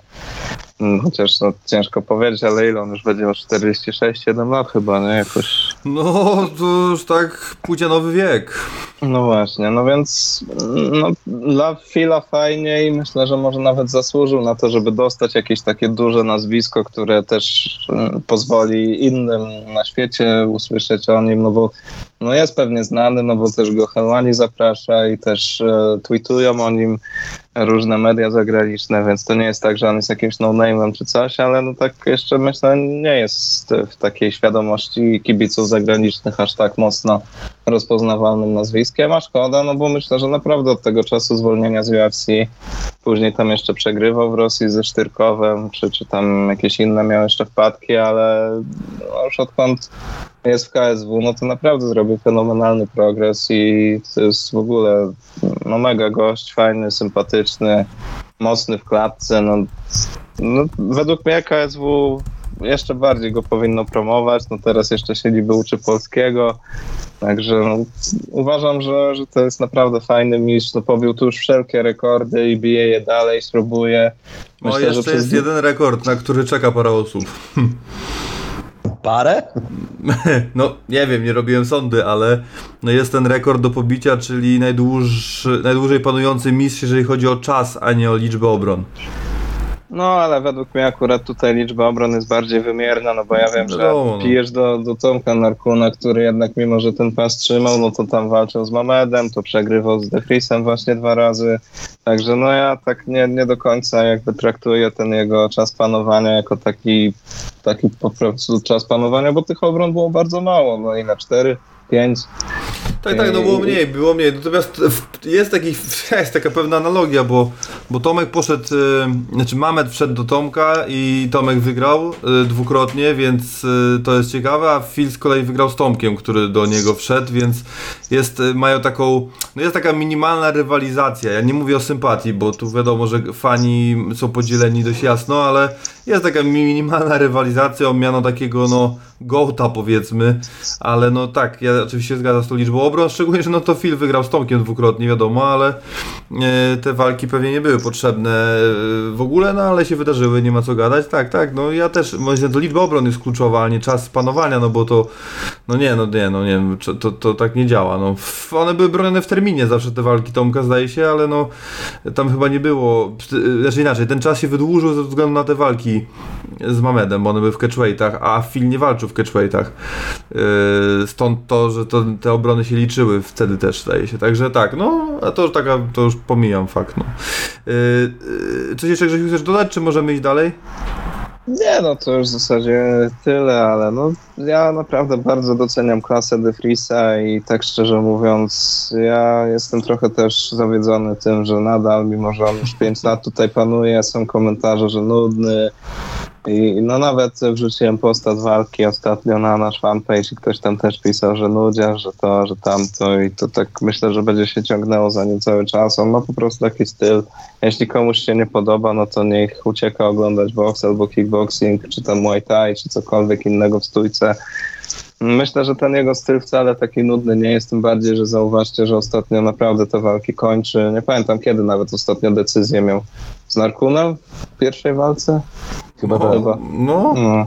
A tak to wszystkie walki kończył i chyba tylko dwie decyzje miał w KSW właśnie z tym Brazylijczykiem, o którym nie chcemy wspominać i, i z Narkunem w pierwszej walce. No, także no, naprawdę uważam, że jest w stanie tutaj naprawdę bardzo dużo jeszcze De e, pokazać. No tylko trzeba mu naprawdę kogoś, jakiegoś godnego rywala ściągnąć, a to nie będzie łatwe. Chociaż on sam powiedział w trailerze, że, że jest świadomy, że kiedyś nadejdzie taki dzień, że przegra, ale to jeszcze nie teraz. No, niewykluczone, no. być może nawet najmniej spodziewany zawodnik kiedyś przyjdzie i go pokona. No. Każdego wielkiego Russell nie dał rady. się kiedyś kończy.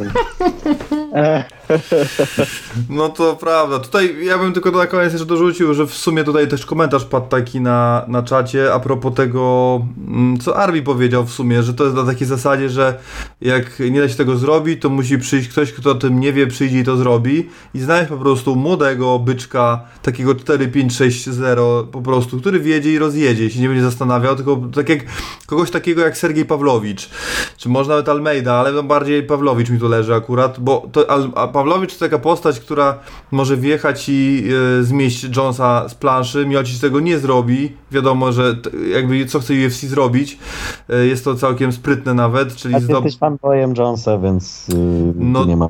Tak, tak, dlatego jakbym był na miejscu UFC, to też bym go chronił przed Pawlowiczem, bo to jest właśnie ktoś taki jak Iwan Drago, no po prostu jest gość, który wiedzie, on się nie będzie, tam nie, nikt mu do głowy nie wejdzie, bo nic nie zrozumie po tym angielsku.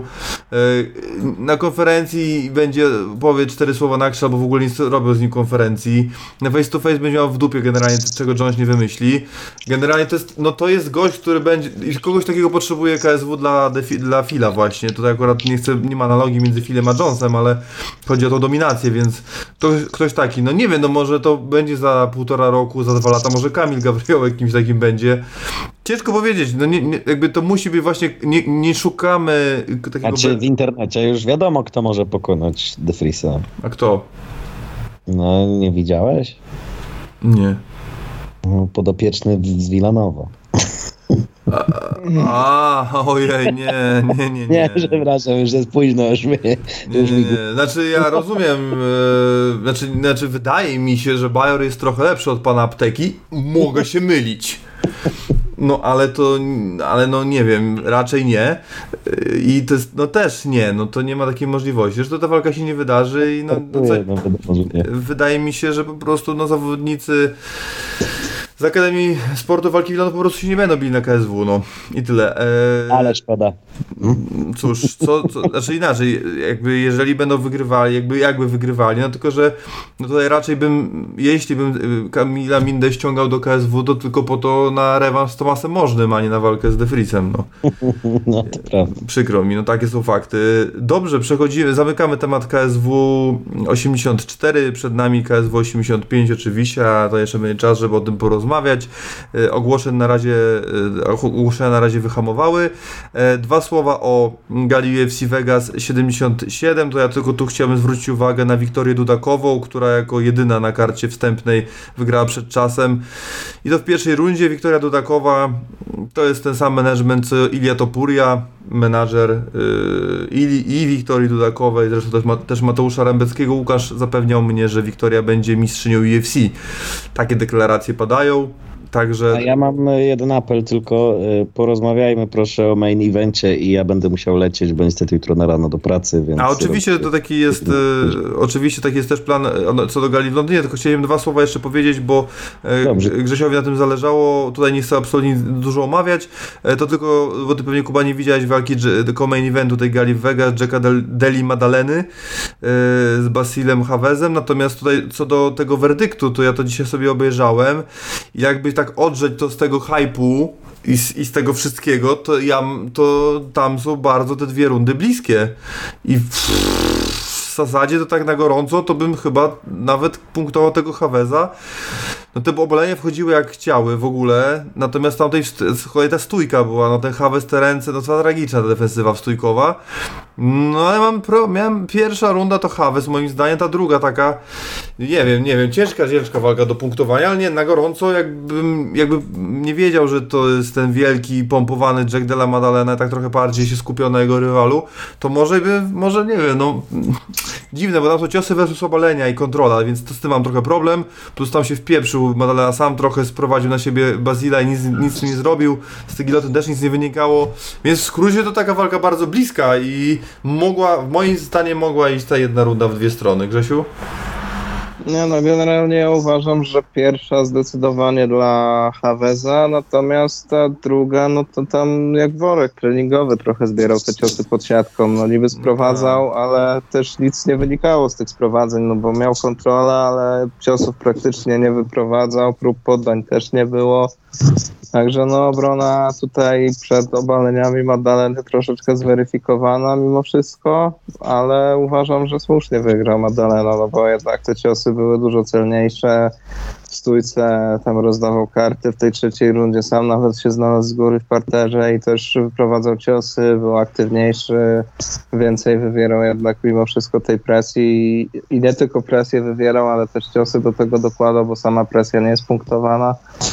Był na siatce wielokrotnie, no dużo zbierał tych ciosów, także no pokazał się na pewno lepiej niż wszyscy przypuszczali, bo to miał być kolejny gość do odstrzału w pierwszej rundzie, a przecież y, ludzie, którzy są w UFC od kilku lat padali w pierwszej rundzie po jego ciosach, a ten gość wszedł y, chyba trzy dni przed walką na, na zastępstwo do do notowanego na 14 miejscu w rankingu zawodnika i mu się naprawdę dobrze postawił, także no na pewno z niego, będzie z niego pożytek w UFC, to, to jestem o to spokojny, ale uważam, że akurat decyzja słuszna, chociaż no, no nie była to jakaś dominacja z jego strony, ale też na jego usprawiedliwienie trzeba dodać, że on był gotowy do walki tydzień wcześniej i po prostu wypadł mu przeciwnik i on przedłużył sobie te przygotowania, czyli ciął wagę drugi raz dwa razy w ciągu tygodnia ciął wagę i tak naprawdę no nie znał tego rywala, więc wszedł jakby trochę z marszu.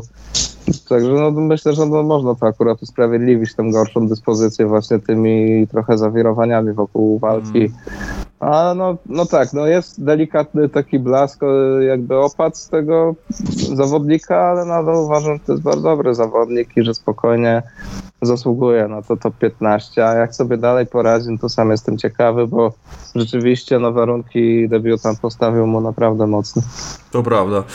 No dobrze, no y, ja tak jak powiedziałem, ta jedna runda naprawdę bliska, ale faktycznie trochę przekonałeś mnie tym, że jednak ta, ta efektywny striking nad obaleniami i kontrolą, tu się zgadzam. W walce wieczoru y, Majera Bueno Silva pokonuje Holly Holm gilotyną w stójce i wydaje mi się, że można śmiało to nominować do, do poddania roku i to też udowadnia oczywiście już kolejny raz, bo to nie jest pierwsza porażka Holly Holm przez poddanie, że z rondą był wałek i trzeba to powiedzieć głośno po latach, bo to jest skandaliczna sprawa i ten high kick był nielegalny. To, to tak bym dodał tyle. Yy, Kuba, no bo chcesz uciekać, więc od ciebie zacznę i od razu dopytam, no bo oczywiście chciałbym przejść krótko do, mm, do, wali, do gali w Londynie i to mam na myśli oczywiście UFC, bo czekaj, a to mm, może Bola nie walną? Nie, no dobrze, no Cage Warriors też w Londynie. Yy, Tomasz Pinal, Marcin Tybura, no bo to jest oczywiście starcie, które interesuje nas najbardziej. Karta wstępna na Fight Passie i Fortunie od 18, główna już też dochodzi Polsat Sport Extra. Yy, no bardzo dużo walk, jak to zwykle na galach w Londynie. Praktycznie te nazwiska, które tam się bardzo często przewijają. Warto zwrócić uwagę na kogo. No być może na Shone Bannon, nie wiem, no Conor ją propsuje, podbija wygląda nie najgorzej, 5-0 kategoria sumkowa, zobaczymy co z tego będzie. Y, Parę jeszcze tam jest walk y, zawodników z, z zerem z tyłu, więc y, to zawsze ciekawe, tam jakaś nawet waga ciężka. Alvarez Diakezi to spoko starcie, Muniz Craig na pewno ciekawe, zobaczymy jak Fareziam też się pokaże. No i Molly McCann wraca z Julią Stoliarenko, tutaj myślę, że będzie do jednej bramki, ale, ale kto wie, kto wie, kto wie. A Spinal Tybura Kuba. Tomas Pinal, e, techniczny knockout, trzecia runda. E, Nie, szczerze mówiąc, e, kurczę, niespecjalnie widzę płaszczyznę, w której, w której Marcin miałby być lepszy od Tybury, e, boże, e, od Toma. E, No jak Marcin od Tybury będzie lepszy, to, e, to dobrze tylko.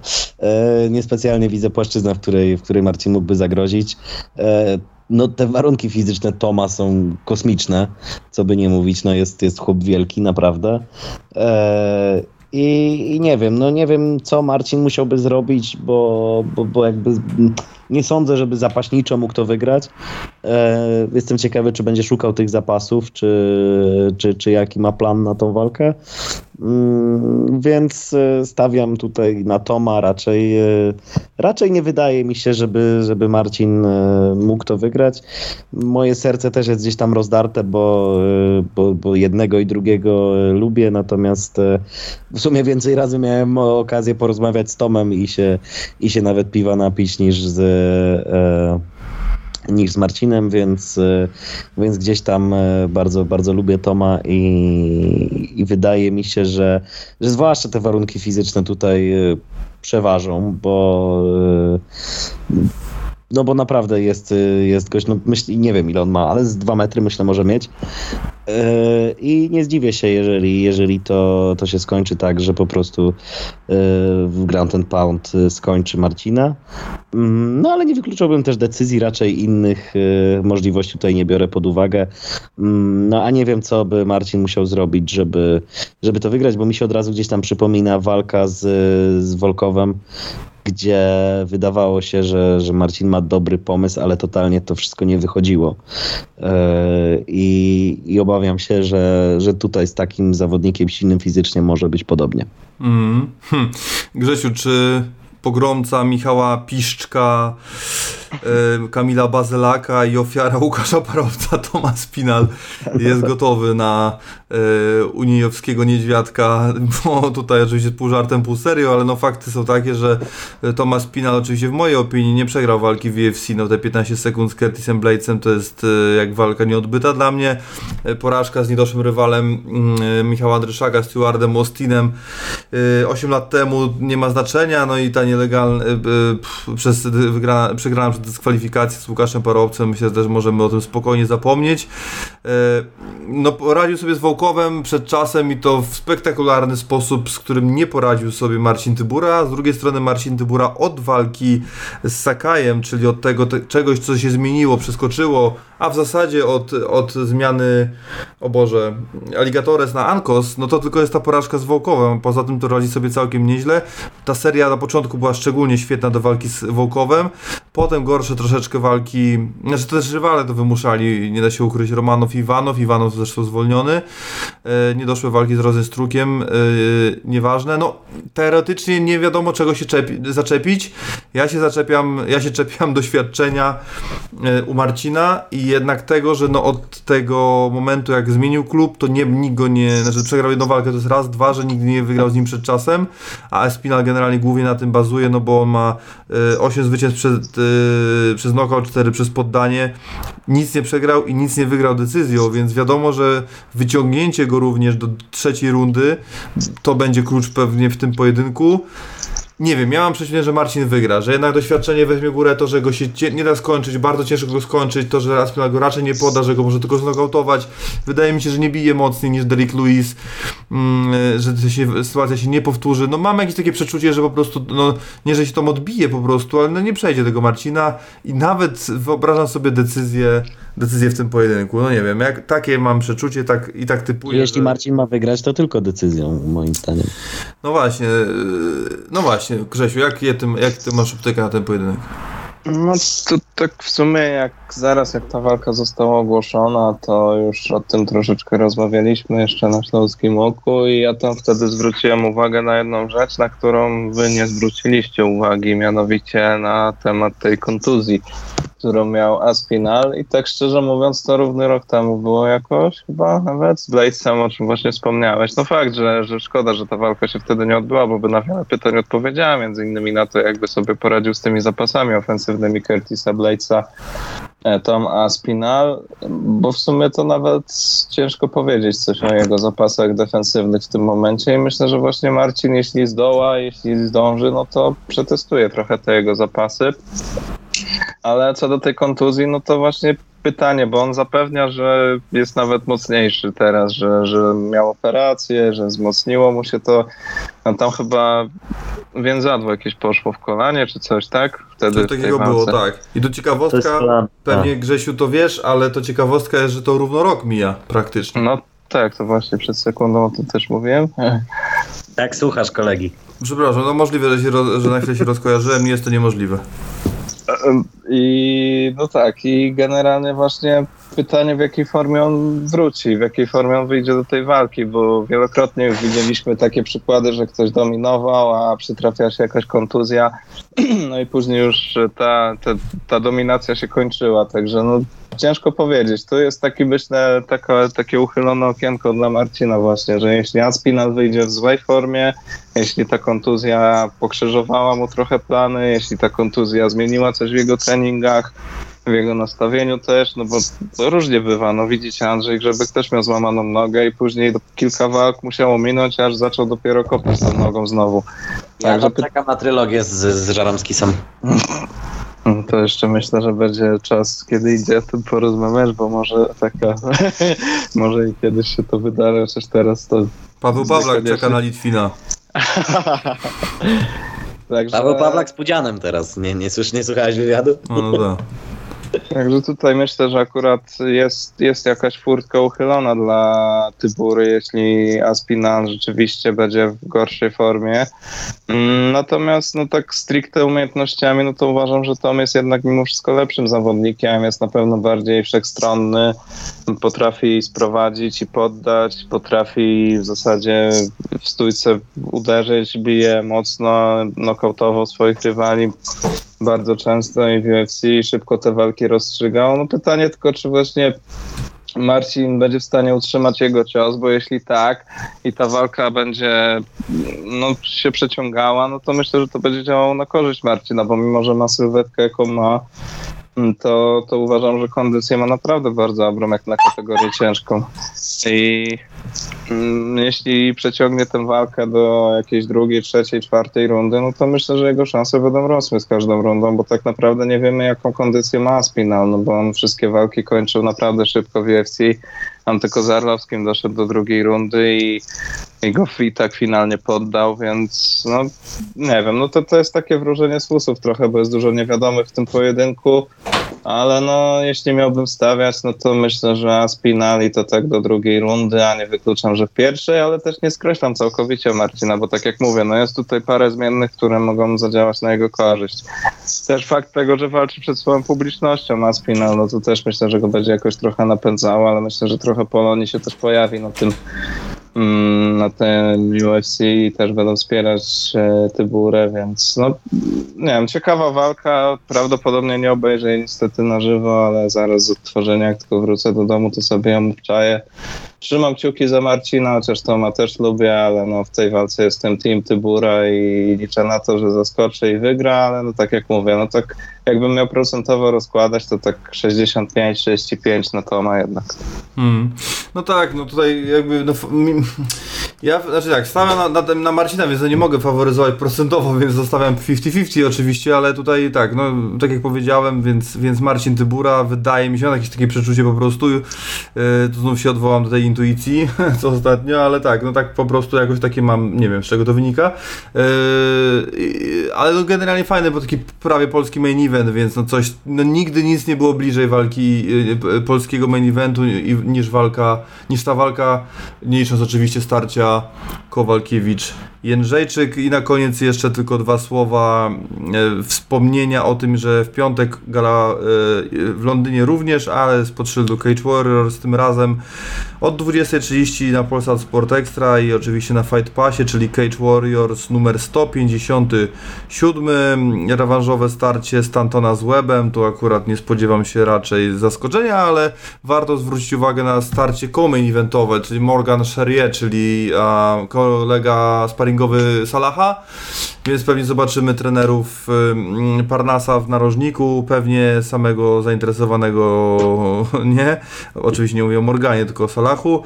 Walka z Diego Silvą na wcześniej starcie Daniela Skibińskiego z y, Madarsem Fleminasem, Litwinem chyba, czy Austriakiem, Litwinem chyba, y, czy Łotyszem w ogóle, no już nieważne. W każdym razie no nie, nie, nic o Madarasie, Madarsie nie, nie wiem, nie widziałem jego walki, nie przygotowywałem tego w ogóle, chciałem tylko o tym napomknąć, no bo to, to ważne. y, no, jakby Daniel, jeżeli liczy na jakieś większe skalpy w Cage Warriors albo w ogóle karierę poza Cage Warriors, musi ten pojedynek po prostu wygrać. E, liczę, że się odkuł, odbił i odblokował po ostatnim zwycięstwie i już nie będzie żadnych e, wpadek, takich jak były w tych poprzednich walkach. E, I tyle. No, trzymamy kciuki za Danielem w piątek, za Marcinem e, w sobotę. E, a dla tych, e, uwag- mam dla tych newsa dla tych, e, którzy jeszcze z nami wytrwali. E, no niestety, ale to nie ja jestem słynnym monterem kablówek. Nie o mnie mowa, ale no kto, jakby najstarsi fani powinni wiedzieć o kim mowa, a to już was z, tym, z tą informacją zostawię. Kończąc ten podcast, 288 odcinek Emma Tonight Live przechodzi do historii. Prowadzącym byłem ja, Olkiewicz Mariusz. Jeżeli odcinek się podobał, 109 osób było w top w piku ponad 120, to oczywiście zostawcie łapki w górę. Michał na pewno wie o tym, że to się nam pomaga fajnie rozwijać. Będzie z nami prawdopodobnie e, za tydzień, a w tym składzie albo w podobnym jeszcze nas z pewnością usłyszycie. Dziękujemy za te ponad dwie godziny. Jeszcze raz tyle ode mnie, a ze mną byli Grzegorz Nielubiak Do usłyszenia, trzymajcie się. i Kuba Jędryka. Dziękuję pięknie, do następnego. Tak jest, trzymajcie się piona i udanego weekendu z MMA o ludzkich godzinach piona.